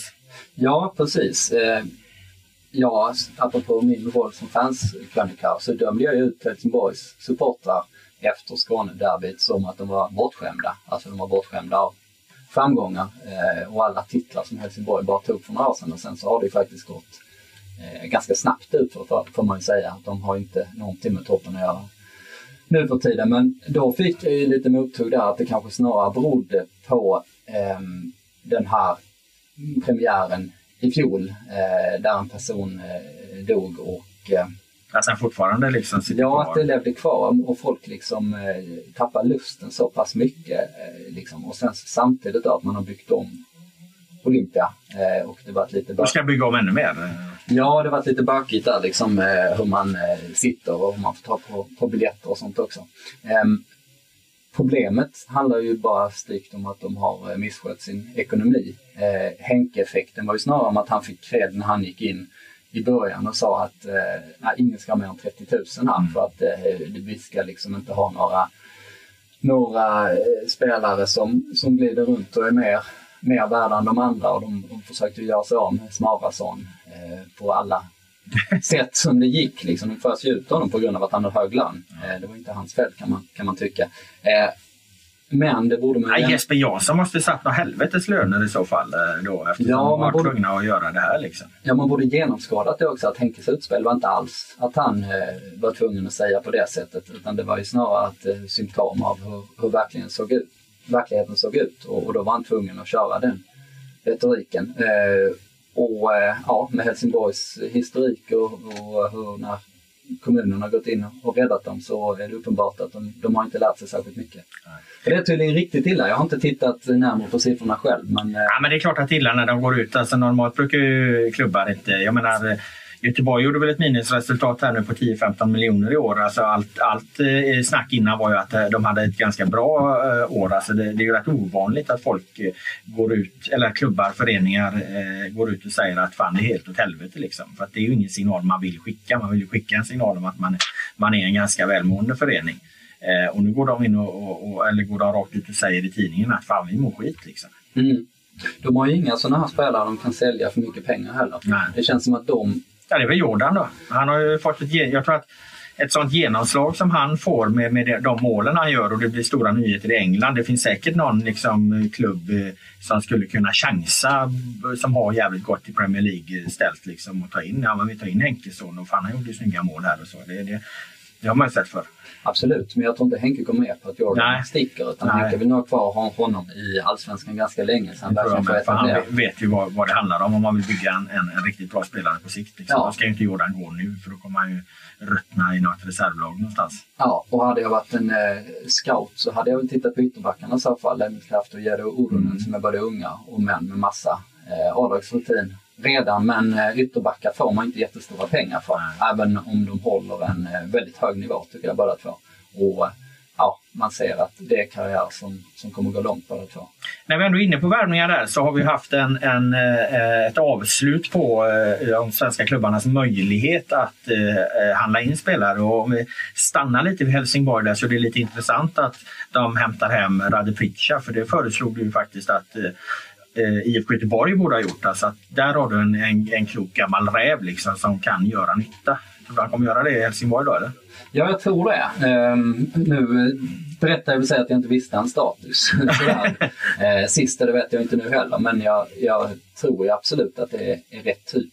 Uh, även i Helsingborg. För att alla lag behöver en, en klok anfallare med, med någon slags garanti för att det blir poäng. Uh, och med tanke på att Helsingborg idag valde att satsa på honom så tror jag fortfarande att, eh, att Göteborg eh, hade haft nytta av en sån värvning. Mm. Sen kanske inte det var möjligt å andra sidan. Han, han är väl 35 eh, och han han spelar väl eh, kanske en och en halv säsong till. Han är ju knuten till Helsingborg då, även om hans barn nu spelade fotboll i Malmö FF, eh, såg jag någonstans. Ja, för att de tyckte att Helsingborgs eh, ungdomsverksamhet inte var i närheten så bra som, som Malmös. Det var ju ganska intressant faktiskt. Det har de väl också en eh, poäng i så sätt. Malmö är väl en av de eh, ungdomsverksamheter som håller eh, högst anseende Sen så när det gäller att, slussa fram talanger så har Malmö valt en helt annan väg. Liksom. Alltså ta det in i Malmö FFs A-lag som en, en ung lovande talang. Var är eh, Cibicki?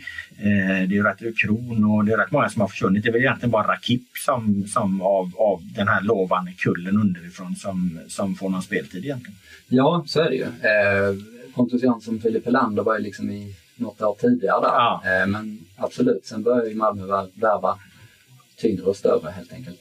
Eh, men jag tror de har en långsiktig plan för det känns lite som att det var en paniklösning nu när de bytte ut precis hela laget. Att man, eh, och dessutom hade de här ekonomiska musklerna, att man plockade in spelare, så jag, jag, lite äldre etablerade spelare. Så jag tror det finns en sån vision om att man ska ha eh, de profilvärvningarna men i övrigt att bygga, bygga underifrån. Men, men ja, det är ju nackdel om man ska spela i, i Champions League-kval och så vidare. Då har man kanske inte den det utrymmet. Eh, som andra klubbar gör. Till exempel AIK är väldigt bra på det. Även mm. om de är i toppen så satsar de på sina unga spelare som kanske inte är riktigt redo men som får tiden att bli det. AIK är bra på det. Norrköping glömmer man ofta bort i det sammanhanget. De, de är ju väldigt duktiga på det också.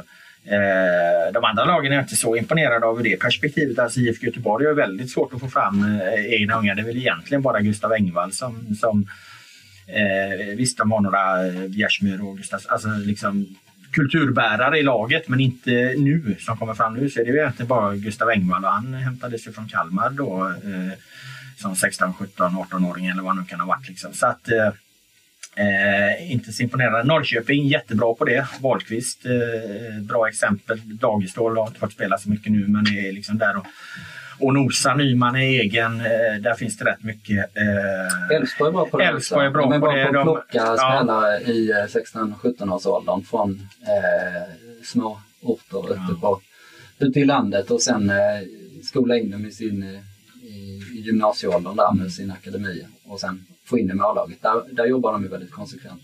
Djurgården har vi väl inte så många exempel. Det är väl Emil Bergström som har gått den eh, långa vägen där i dagens lag. Mm. Men Rapti är ju hämtad, eh, även om han är ung, liksom, så, så är ju han hämtad precis som eh, Karlström och, och flera av de andra. Björkström. Och, Björkström. och, och eh, vilka det är? Ja, de har ju haft eh, vissa exempel på spelare som gått upp i sig, till exempel Tibbling. Tibbling är ett bra Som andra sidan tog ja, var från början. Helt rätt, men han, han tog ju sitt kliv till elitfotbollen i Djurgården får man ändå säga. Han kom väl till Djurgården när han var 15-16 eller någonting. Så. Ja. Han bedömdes vara för liten för Brommapojkarna. Och det ångrar de nog ganska fort. Det gör de nog. Eh, värvningar i övrigt då? Det har, jag tyckte inte att det hände så mycket som eh, rörde till eller ritade om den allsvenska kartan egentligen den här sista dagen. Det var IFK Göteborg tog in en dansk mittfältare, Mats Albeck. Eh, kommer säkert göra nytta där även om liksom även hans status är lite så här eh, halvtveksam. Men det känns som att en spelare som kan vara riktigt bra i Allsvenskan. Det låter ju så om man, eh, om man kollar hans CV. Han blev väl utnämnd till bästa spelare i, i, eh, var det till och med i hela ligan i, i Danmark eller var det möjligtvis i Midtjylland. Men eh, de är ju å andra sidan ett topplag. Men... Ja, sen har han erfarenhet från, från eh, eh, franska högsta ligan och, och, så vidare. och Så vidare. Så att, eh, där, finns, där, där, där, kan det väl kanske finnas en kvalitet även om han liksom inte har tagit det där sista klivet till, till landslag och så. Så att det är väl ingen superstjärna de har fått. Liksom. Men, men det får man inte heller om man inte har den plånboken. Eh, Malmö gjorde ju allt sitt innan, innan egentligen, låg ju stilla där. Eh, AIK släppte Lundholm va? Eh, I Norrköping händer det egentligen ingenting med. Så att, eh, Norrköping är frågan om de lyckas eh, behålla Kujovic då. Exakt. Eh, eller Nyman som det sägs att det är folk som rycker också. Han är ju en, i en bättre ålder så att säga. Ja, eh, och fönstret är ju öppet. Eh, ett, och bli av med ja. Tag till. Men inte för köpa, för då har vi haft en deadline day. Men den deadline day är ganska odramatisk. Det kändes lite så. Ja. Eh, men för att göra en radioövergången då, så ett lag som har värvat, eller det lag som kanske egentligen har värvat mest in, det måste nästan vara Hammarby va? Ja, det har de. Lite konstig värvning tyckte jag med Jakob Olof här.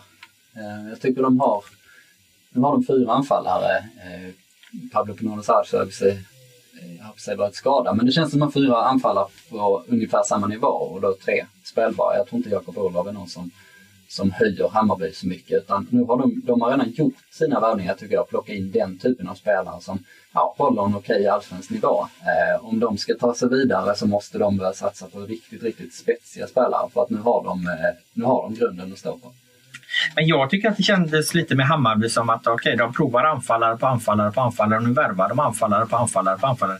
Eh, eh är inte Nannes liksom, jag har ju blivit påsprungen på gator och torg precis som du. Alltså att Bayern-fansen vill ju att Nanne ska släppa det här jävla eh, enforwards spelsystemet och Nanne håller eh, hårt fast vid att han ska utveckla svensk fotboll. Om man kollar på de lagen som brukar vinna allsvenskan, det är ju aldrig något lag som vinner allsvenskan med en forward. Utan det är ju, det är ju 4-4-2 som vinner allsvenskan. Ja, det har du kanske rätt i. Ja, det har jag rätt i. Ja. När fan vann ett lag med, med, med, med en forward eh, allsvenskan? Det, det, det händer inte. Nej. Um, folk på gator och torg. I mitt, I mitt fall en taxichaffis. Det är en journalistisk dödssynd att citera taxichaffisen. Det är det. Man får bara göra det en gång i sitt liv. Ska du bränna det här på, i, i den här podden? Ska du verkligen göra det? Uh, det känns rätt taffligt. Men visst, jag får väl göra det. Det var en, en äldre man eh, som eh, Eh, som tyckte de skulle gå över till 4-4-2. Han var född på Söder men han höll ju inte på eh, Hammarby egentligen. För att han var född på västra Söder och mm. då höll man ju på Reimers sam. Ja, okay. Reimers Holme. Man vill ändå se en förändring. Det säger en del om den här mannens ålder. men han vill ha 4-4-2. Ja. Han sa att sen Besara stack så eh, har Hammarby inte kunnat prestera någonting framåt. Och det ligger, väl faktiskt lite ja, För min magreflektion var ju att, ja, men vad fan, det är klart du ska hålla fast vid vad du har kört på Nanne. För jag har ju också blivit påsprungen på... Ja, vem var det då? Ja, det var en trevlig lirare på Pressbyrån i, i Sundsvall där, som var på väg hem dagen efter matchen och vi skulle på samma tåg. Liksom. Och han tog mig i kön där när jag skulle köpa med en dosa snus och eh, ja, tyckte att Nanne helt enkelt måste släppa på sina principer och så. Jag viftade väl bort det då men nu har liksom den här tanken fått gro lite i magen och de värvas som sagt spelare på spelare. Och, och, jag menar, jag tycker att Hallenius är, är, är, en jävligt duktig fotbollsspelare i grund och botten. Men, men får han inte rätt understöd så funkar det liksom inte. Och Nanne pratade om att han ska utveckla svensk fotboll. Du utvecklar inte svensk fotboll med liksom Filip Haglund och Erik Israelsson eh, på ett centralt mittfält. Johan Persson tycker jag är bra men, men eh, jag, jag, vet inte, det haltar lite Nannes eh, projekt så att det är väl ingen större, vad fan, gå över till 4-4-2 som alla kan. Låt, eh, nu har du ett gäng forwards att gå runt på. Liksom. Låt de formstarkaste starta och, och, och, och, att de kan utveckla varandra. Liksom, för att det gör väl varken från eller till liksom, de här sista matcherna bara för att säkra det här och, och ta hem det så de inte dras med i någon, någon eh, bottenstrid då för Hammarbys skull kan man tycka. Så att, ja, jag, är, jag är nog på supportrarnas sida i den här frågan. Mm, jag är med folket också. Folkets podd, Folkets podd ja, folket står, står upp för, för att Nanne Bergstrand måste nu överge sitt spelsystem och gå över till 4-4-2. Ja. Nu, eh. imorgon ska jag faktiskt eh, till Grimsta och titta på eh, Brommapojkarna mot Jönköping Södra. Ah, spännande! Mm, för att Jönköping Södra har alltså 12 poäng ner till kvalplats. Mm. Ner till kvalplats alltså. Eh, de har 45 poäng i serieledning. Sirius eh, som ligger trea, eh, 33. Hästoligarken har inte kommit dit i någon stor eh, vad var det, korruptionsskandal eller något sånt här Nej. nyligen. Hästoljegarken. Vem Okej, eh, då skiter vi i den då. Eh, du har glömt det helt och hållet som vi, som vi pratade om i, i fjol? Ja, ja, jag vet inte vad du pratar om. Nej, det var ju konstigt. Eh, då går vi tillbaka till Jönköping då. De kommer i alla fall gå upp med all sannolikhet. Eh, Sirius, som inte har en hästoligark i bakgrunden tydligen, i bakgrunden. Eh, ligger på kvalplats. Men så är det Östersund eh, som har 41 poäng. De har alltså 8 poäng ner till, eh, till den här kvalplatsen och har också en jättechans att gå upp. Och vi har ju fått lite napp nu ju. Ja, vi inte, efter... inte, inte så lite napp heller, eh, Nej. kan man säga. Vi efterlyste ju eh, fakta och information om detta Östersund. Det ska bli mycket intressant när du åker dit och ser eh, Jönköping Södra. Men det känns som att vi har berättat historien om, om Jönköping Södra. Eh, det, det handlar ju mycket om, ska de spela på Stadsparksvallen som är ju efter Örjansvall eller kanske i, i paritet med Örjansvall eh, den finast belägna elitfotbollsarenan. Den ligger ju fantastiskt vackert där uppe på, på höjden med, med utsikt över stan och, och och kyrkan som några satanister brände ner som gjorde ett reportage om när jag var på Slits för herrans massa år sedan. Eh, genuin fin arena men den håller ju inte riktigt. Ja, och, och, ja exakt. Och, och du liksom du ser ju inte de här arenorna så, så, så ofta idag. Liksom. Jag gjorde en arenagranskning här nu för ett tag sedan när jag rankade de bästa arenorna. Då kan man tyvärr inte ta hänsyn till läge kände jag. Rankade Örjansvall rätt, eh, jag tror näst sist. Liksom. Falkenberg är den överlägset sämsta. För det är ju ingen arena, det är en idrottsplats. Eh, jag hade Swedbank i Malmö då, topp. Och så hade jag väl Tele2 och, och Guldfågeln och Gamla Ullevi, Borås Arena och Friends sexa. Liksom. Det var väl toppen. Liksom. Men Stadsparksvallen, om de nu kommer spela där, liksom, eller hur de nu gör, Mm. kommer ju eh, bli en, en extremt vacker arena att besöka. Men det är ju ingen bra fotbollsställe att spela fotboll på tyvärr. Nej. Nej, det var arenarankingen. Uh, ska vi ta det snabbt då först? Fick du, Ja, du fick några- du några mothugg där eller? Nej, egentligen inte alltså. Jag, eh, jag har nog aldrig gett mig in i ett så känsligt ämne som arenor. För det är ändå hemmet och borgen utan att få några som helst eh, reaktioner. Så att på något vis måste jag ha legat jävligt rätt. Och då tänkte Eller, eller så var allting pluslåst bara. Så då, då brukar det vara ganska stilla. Ja, men det var inte det i början. Okej. Utan den var upplåst från början och sen så låste de för att när det, blir oakt- när det inte liksom är, är dagsaktuellt då, så, så, så släpper de det. Mm. Nej, så att det var eh, inte så mycket reaktioner på det. Men jag vet, har du några synpunkter eller? Swedbank Eh. 1, Tele2 2, Guldfågeln 3, eh, Gamla Ullevi 4, Borås Arena 5, eh, Friends 6, 7 Olympia, tror jag 8 Nya Parken, 9 Bravida, 10 Gavlevallen och så vidare. Jag kommer inte ihåg exakt, men ungefär så. Ja, du hör, du hör vad jag är på väg. Ja, det var imponerande att du tog topp 10 ur- ur minnet plötsligt. Eh, nej, jag tyckte det såg ganska bra ut. Eh, eller det såg bra ut, jag tittade ganska fort. Eh, Ja. Så det är möjligt om jag hade dissekerat det, kanske, jag vet inte, kanske ville flytta på någon hit och dit som man tycker väl inte exakt samma. Det Men, var inga generalfel i alla fall. nej, det tyckte jag inte. Det, Men håller du med om att Swedbank Arena är Allsvenskans bästa arena? Eh, ja, det är den och Tele2 som är bäst i vart fall. Eh, jag tycker Tele2 är lite bättre som arena betraktad. Eh, Men så är det ju gräset då på... Det på tog jag i och för sig ingen hänsyn till i det här. Jag sket i underlaget faktiskt. Jag kände att det går liksom inte att... Alltså nu handlar det ändå om, det här är ju någon form av publikperspektiv. Liksom. Hur, hur, hur är det att komma till en arena? Liksom. Så att då, då, då sket jag faktiskt i underlaget. Jag la inte in det som en faktor. Nej, eh, Men jag håller med dig i sak att det är klart att det är jävligt trist att det är konstgräs på Tele2. Det hade ju varit ett minus. Men, men för folk som går dit liksom så. Ja, nej, de är ju jäkligt eh, tajta och bra liksom och man får en, en exklusiv känsla utan att det blir plastigt.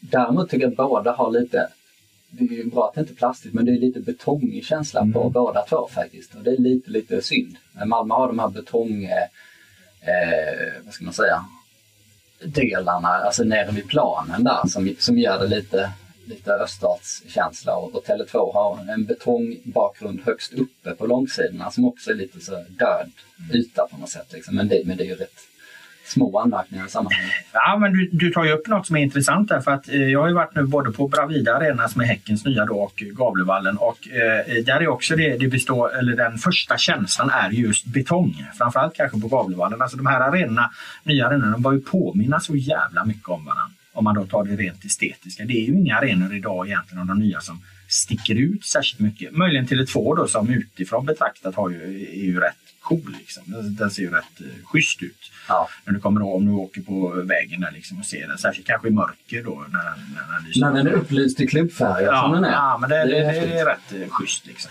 Ja. Eh, men annars börjar de ju påminna och, och tydligen så finns det ju, det finns ju liksom en mall 1A, om det nu var något företag i Holland eller vad det är som har tagit fram den. Okej, så här ska liksom en modern fotbollsarena vara och så får man liksom, ungefär som när du plockar ihop din bil så kan du sätta på lite olika, liksom, ja du vill ha eh, far, kameror och eh, backkameror och bla bla. Du kan liksom lägga till lite, blir lite dyrare och så vidare. Men det finns liksom en, en, en modell och sen kanske de skiljer sig lite grann då. Men, men det kommer bli rätt tråkigt tror jag efter ett tag. Liksom. Men alla arenor, det finns inga eh, Örjansvall eh, och det finns inga Stadsparksvallen kvar snart kanske. Utan för då kommer det någon jävla betongklump där. Mm.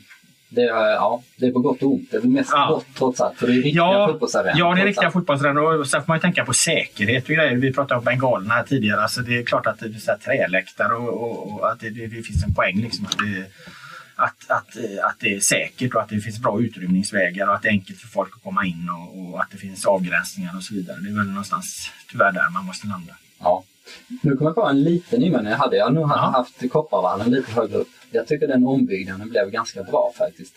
Eh, Aha, okej. de gjorde om läktarna ja, men ganska bra, men i och för sig väldigt små medel. Mm. Eh, den skulle jag nog peta upp eh, några tror jag. faktiskt. Det skulle nog vara min enda. På vems bekostnad Ja, jag vet. Jag har inte Ska listat du, ska du ha en ny förbundskapten så måste du alltid ha ett, eh, ett förslag på vem som tar över. Ja, jag- Citera Lars-Åke Lagrell när Lagerbäck hade suttit för länge. Ja, jag lägger fram en, en mjuk eh, åsikt där. Så man får, du får känna lite på den. Liksom. Kanske, kanske upp med den eh, lite. Jag köper det. Eh, ska vi gå tillbaka till det vi egentligen skulle pratat om i den här punkten då? Alltså Ja. eh, Jönköping Södra där. Jag hade ju kunnat dra en utläggning om att när jag var nere och lirade boll med ex-flickvännens grabb så träffade jag Martin Motumba och hans eh, grabb. Han var där liksom och, och, och lärde honom att, att dribbla. Och, och Martin Motumbas grabb, eh, han är ju inte många äpplen hög alltså. Han bo, bor ju i Solna där så jag tänkte att när du drog upp BP så var det Motumba du skulle prata om men det var Jönköping Södra. Mm, jag ska i och sig försöka prata med Tumban. Ja, men han sa ju andra sidan att han gjort sin sista intervju Nej, i Expressen eh, tidigare. Så, det, det viftade han bort när jag träffade honom nere på, på, på gården. Alltså, Ja, ja, nej, jag tror nog han kommer göra fler intervjuer. Det behöver du inte oroa dig för. det tror jag också. eh, det svänger fort Ja, i Mutumba-branschen. Men det var väl Östersund. Vi skulle det, vi har ju fått- vi nu. har ju- Här har vi ju tung, tung info. Ja, vi har ju fått mejl då från eh, Ronny Sandahl som ju är en stor kulturpersonlighet eh, numera. Även om han eh, en gång i tiden mer eller mindre var inneboende hos mig i min trerummare i Skärholmen och tyckte sig vara för fin för att skriva om Big Brother för Aftonbladet. Men då satt vi och tittade på Big Brother med sån här 24 timmars abonnemang istället så att han var egentligen lite intresserad av det. Numera Låter en, som en fin tid. Ja, det var fin tid och Ortsjö, en, en gammal lirare från Uddevalla var där och det, det gick en och annan flaska hembränt. Eh, Det var Ronny. Ronny Skandal kallade man på, för på den tiden. Eh, Nu är han ju en högt och aktad eh, filmregissör och har gjort filmen Svenskjävel som ju har hyllats på var och varannan gala och väl gått rätt bra på biografen här i Sverige också. Han tycker till lite i fotbollsdebatten då och då. eh, med blandat resultat just där, men en duktig regissör är det ju. Han har ju kommit med ett instick om Östersund då, för han var där med sitt författarlandslag, Oskar Månsson. Mm. Vad fan är det han säger egentligen? Ehm, Du behöver inte läsa hela detta gigantiska mejl, men eh, du kan ju ta eh, essensen. Ja, precis. Eh, han var ju där med författarlandslaget som sagt. Eh, och det började åtminstone så här, får vi läsa lite i alla fall. Ja, Eh, vi var inbjudna där av den rätt underbara Sol och Våra-ordförande Kindberg. Det är en bra som, beskrivning. som ville, jag sa ju att jag hade fifflarvibbar på ja, du hade fifflat. Vad heter han? Ki- mer? Dan, Daniel Kindberg. Daniel Kindberg, det är alltså Östersunds ordförande. Han beskrivs av Oskar Månsson som en fifflare och av Ronny Sandahl som en sol och vårare. Ja, men ingen av oss har någonting på honom. Nej, det det- ska vi säga. att vi, Här hänger vi en oskyldig helt enkelt. Ja, precis. Eh, Kindberg som ville att vi skulle hålla en workshop om skrivande med killarna. Eh, klubbens tanke var att sammanställa en bok med en novell från varje spelare.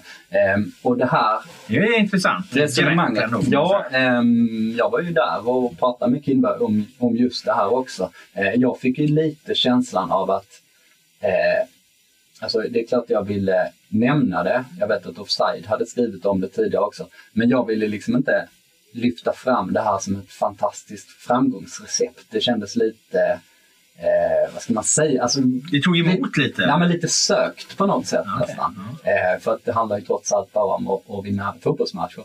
Eh, och det gör man oftast på plan. Men visst, det finns säkert en poäng i det, liksom, att de vill utveckla människor. Det här eh, fallet handlar det om att eh, eh, Ja, de, den- de ska få spelarna att ge sig ut på en okänd arena, testa sina gränser och på så sätt liksom bli, bli modigare och mer, eh, ja, plocka fram någonting hos sig som man sen kan använda i gruppen, använda eh, sportsligt. Ja, Ronny Sandahls exempel då. Han tar upp en spelare som heter Jonas Desai, en mittfältare som hade stora problem med vad han egentligen skulle skriva om. Eh, och sen till slut kom han på det fullständigt geniala då den här eh, Jonas Desai. Eh, jag får inte spela längre. Jag kanske ska skriva om det. Liksom. Mm. Och enligt Ronny Sandahl så eh, eh, resulterar det här liksom i en helt eh, makalös fin betraktelse av hur jävla jobbigt och illa det är och, och, och helt plötsligt behöva sitta på bänken. Liksom. Att du får inte vara med längre. Liksom. Mm.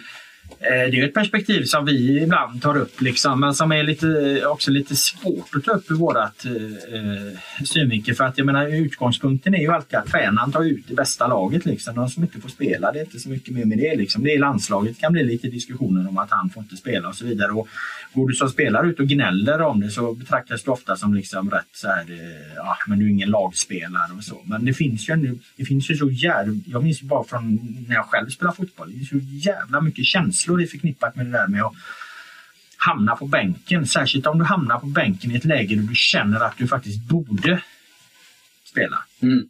I vissa lägen kan du köpa det. När jag satt på bänken i Chile, fine, inga problem. Jag accepterar det, de är bättre. Satt på bänken i Jonsered eller någon annanstans. Liksom, nej, fan här borde jag spela. Liksom. Alltså, det är enorma känslor i svall där. Mm. Så att det är intressant eh, eh, att eh, Ronny plockar upp det och, och, och, och, och också hyllar det. Liksom. Han säger ju dessutom Ronny då att han tror att det här sättet liksom som, som, som de liksom försöker utveckla människorna i kombination med ett starkt näringsliv, deras sätt att scouta som vi kan komma in på lite senare och en kärna av personer som jobbat i kontinuerligt i flera år. Att där är skillnaden mellan Östersund och, och, och många andra klubbar. Och just det här sättet att scouta, det tar ju Albin Brandt upp i ett mejl som han har eh, skickat till oss också.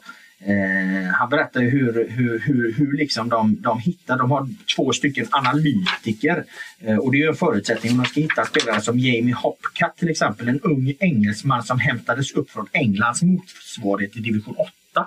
Så det är klart att de, de, de jobbar ju jävligt ambitiöst så att den här framgången som de har nu den är ju inte given. Liksom. Det är ju ingen slump, det förstår man ju. När, när liksom ett, ett fotbollslag som egentligen är en skidbacke helt plötsligt är på väg upp i allsvenskan så, så, så måste det ha gjorts någonting ordentligt där. Mm. Jimmy Hapcott är en väldigt eh, bra spelare också. Ja. Eh, har sett honom ett par gånger. Ett par gånger, underdrift faktiskt, men eh, som man blir imponerad av. Men det påstod Kindberg också att det fanns ett sånt enormt svinn av spelare i åldern kanske 20-23 någonting. Eh, när man liksom eh, gallrats ut en gång. Men att det fanns massor med kvalitet att hämta där många som kanske Som inte riktigt slog så tidigt, behövde ett Ja, par år precis. till. Liksom. Som utvecklades lite senare. Han sa att eh, framför allt i England då, eh, och eftersom de har sina kontakter där med eh, en tränare för England, Graham Potter, och dessutom är eh, Kindberg personlig vän med Roberto Martinez också av, eh, av någon anledning. Jag vet Ja. inte varför. Men eh, jag tror han var där med eh, Wigan eller Everton som var där och hälsade på sig där med hela laget också. Ja. Så de har i alla fall de vibbarna. En till anledning till att jag inte var så Alltså jag skrev ju som sagt om det här, vad, vad de gjorde. Men att, man inte bara, att jag inte bara ville köpa det rakt av efter att ha suttit och snackat med honom en timme. Eh, var ju att de hade... Utöver sol och vårar-vibbar och fifflar-vibbar. Ja, men det var ju hela det här Libyen-projektet som jag pratade om. Eh, det var ju efter Gaddafi, eh, måste, man, måste jag säga. Jag inte, minns inte riktigt detaljerna, men det var, det var efter eh, Gaddafi hade försvunnit.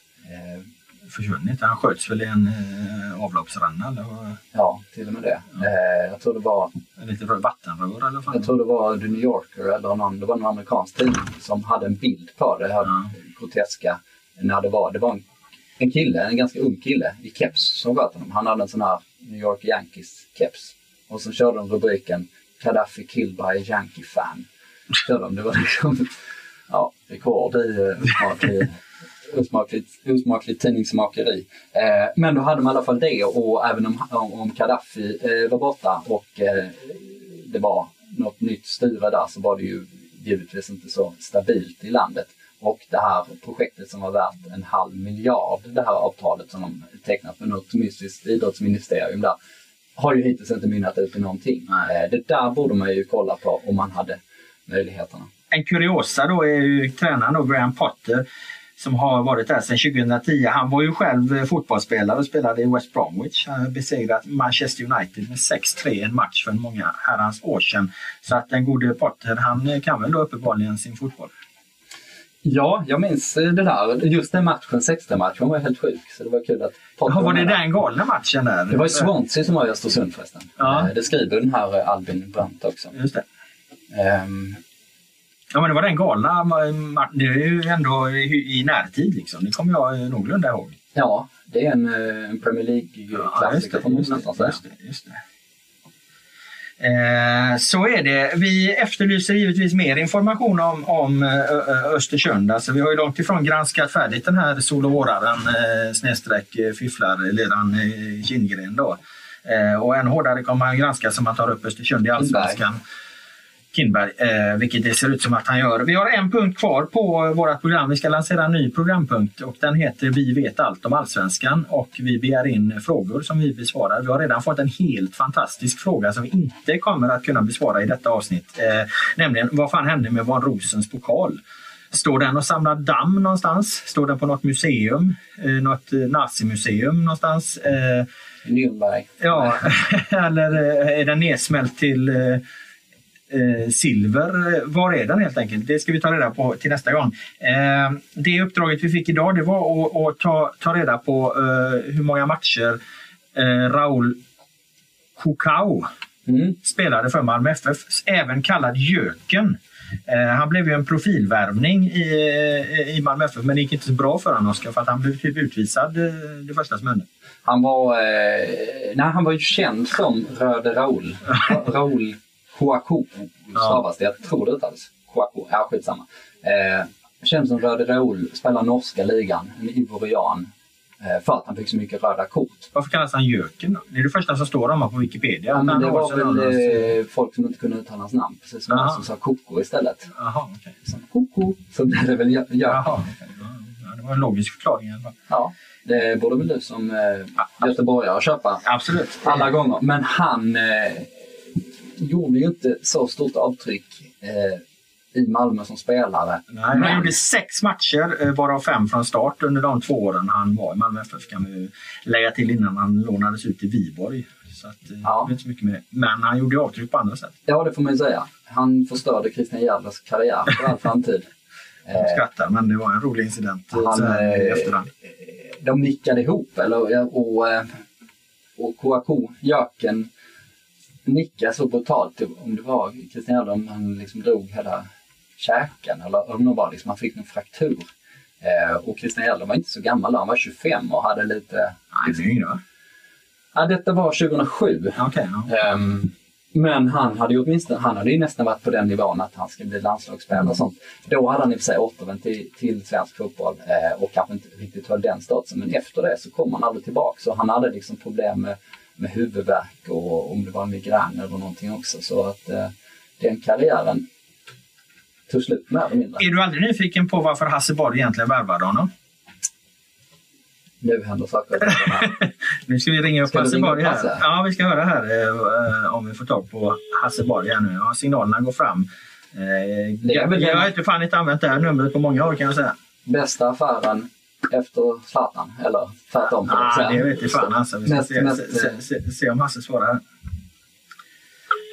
Eh, ver, ver, verkar han i och för sig inte göra men eh, då har vi i alla fall gjort ett eh, gott försök. Välkommen till Telenor röstbrevlåda. Helvete, det är för dåligt Hasse. Alltså. Ja, han svarar inte. Vi får se om, om vi får tag på Hasse vid ett annat tillfälle. Eh, något mer matnyttigt om eh, Jöken eh, som värt att nämna innan vi stänger butiken för den här gången och börjar leta rätt på Van Rosens pokal. Mm. Eh, Von Rosen's pokal är väl ett av så Sportbladets bästa avslöjanden någon gång. Ja, får man säga. Vi som grävde fram att det var en gammal nazist som hade namngett. Det var ju känt innan men vi Namnet. tog fram det med kraft liksom och publicerade precis eh, innan allsvenska guldet eh, tju- 2000 tror jag att det var. Liksom. Så att eh, eh, då, ju- det var två, det var inte ens Sportbladet egentligen utan det var två eh, frilansjournalister men vi publicerade i Sportbladet. Ja. Ja, det är en otrolig historia. Ja. Och sen byttes den ut till Lennart Johanssons pokal och så fick han se Hammarby lyfta den då första gången den eh, lanserades. För Hammarby vann ju allsvenskan då 2001. Och från början ville ju Lagrell och company, de ville ju, ja, de tyckte inte det var så mycket att bry sig om liksom. Det är ingen som tänker på den här pokalen. Kommer från Von Rosens då, men sen blev det ett jävla storm mot det så då fick de ju införa en ny pokal. ja. Men till nästa vecka tar vi reda på det. Jajamän. Och det borde ju finnas en så pass bra story att man eh, borde skriva om det. Ja. Eh, det känns som att här finns ju någonting man borde skriva ett helt reportage om. eh, Absolut, absolut. Oavsett vad som har hänt. Bara. Det kanske kan bli en poddserie så här, du vet de jagar ju mördare nu var och varannan podd liksom. Så här, han gjorde inte det mordet och det där mordet är olöst och så vidare. Vi kanske skulle i live eh, gå igenom hur vi jagar Von Rosens pokal. Det kanske kan bli en eh, fantastisk succé eller inte. Mm. Det gör vi. Eh, Ska vi tacka för eh, den här gången då och tacka alla som har lyssnat. Det blev ganska långt. Det blev 90 minuter inklusive eh, eh, eller plus eh, en tilläggsminut här nu om jag räknat rätt. Eh, så har vi nog fan suttit där i en och en halv timme snart alltså. Eh, vi ska gå ut och ta en snus och eh, skicka ut det här programmet. Eh, tack så mycket för att ni lyssnar. Vi är tillbaka från Folkets podd 51% fotboll nästa vecka.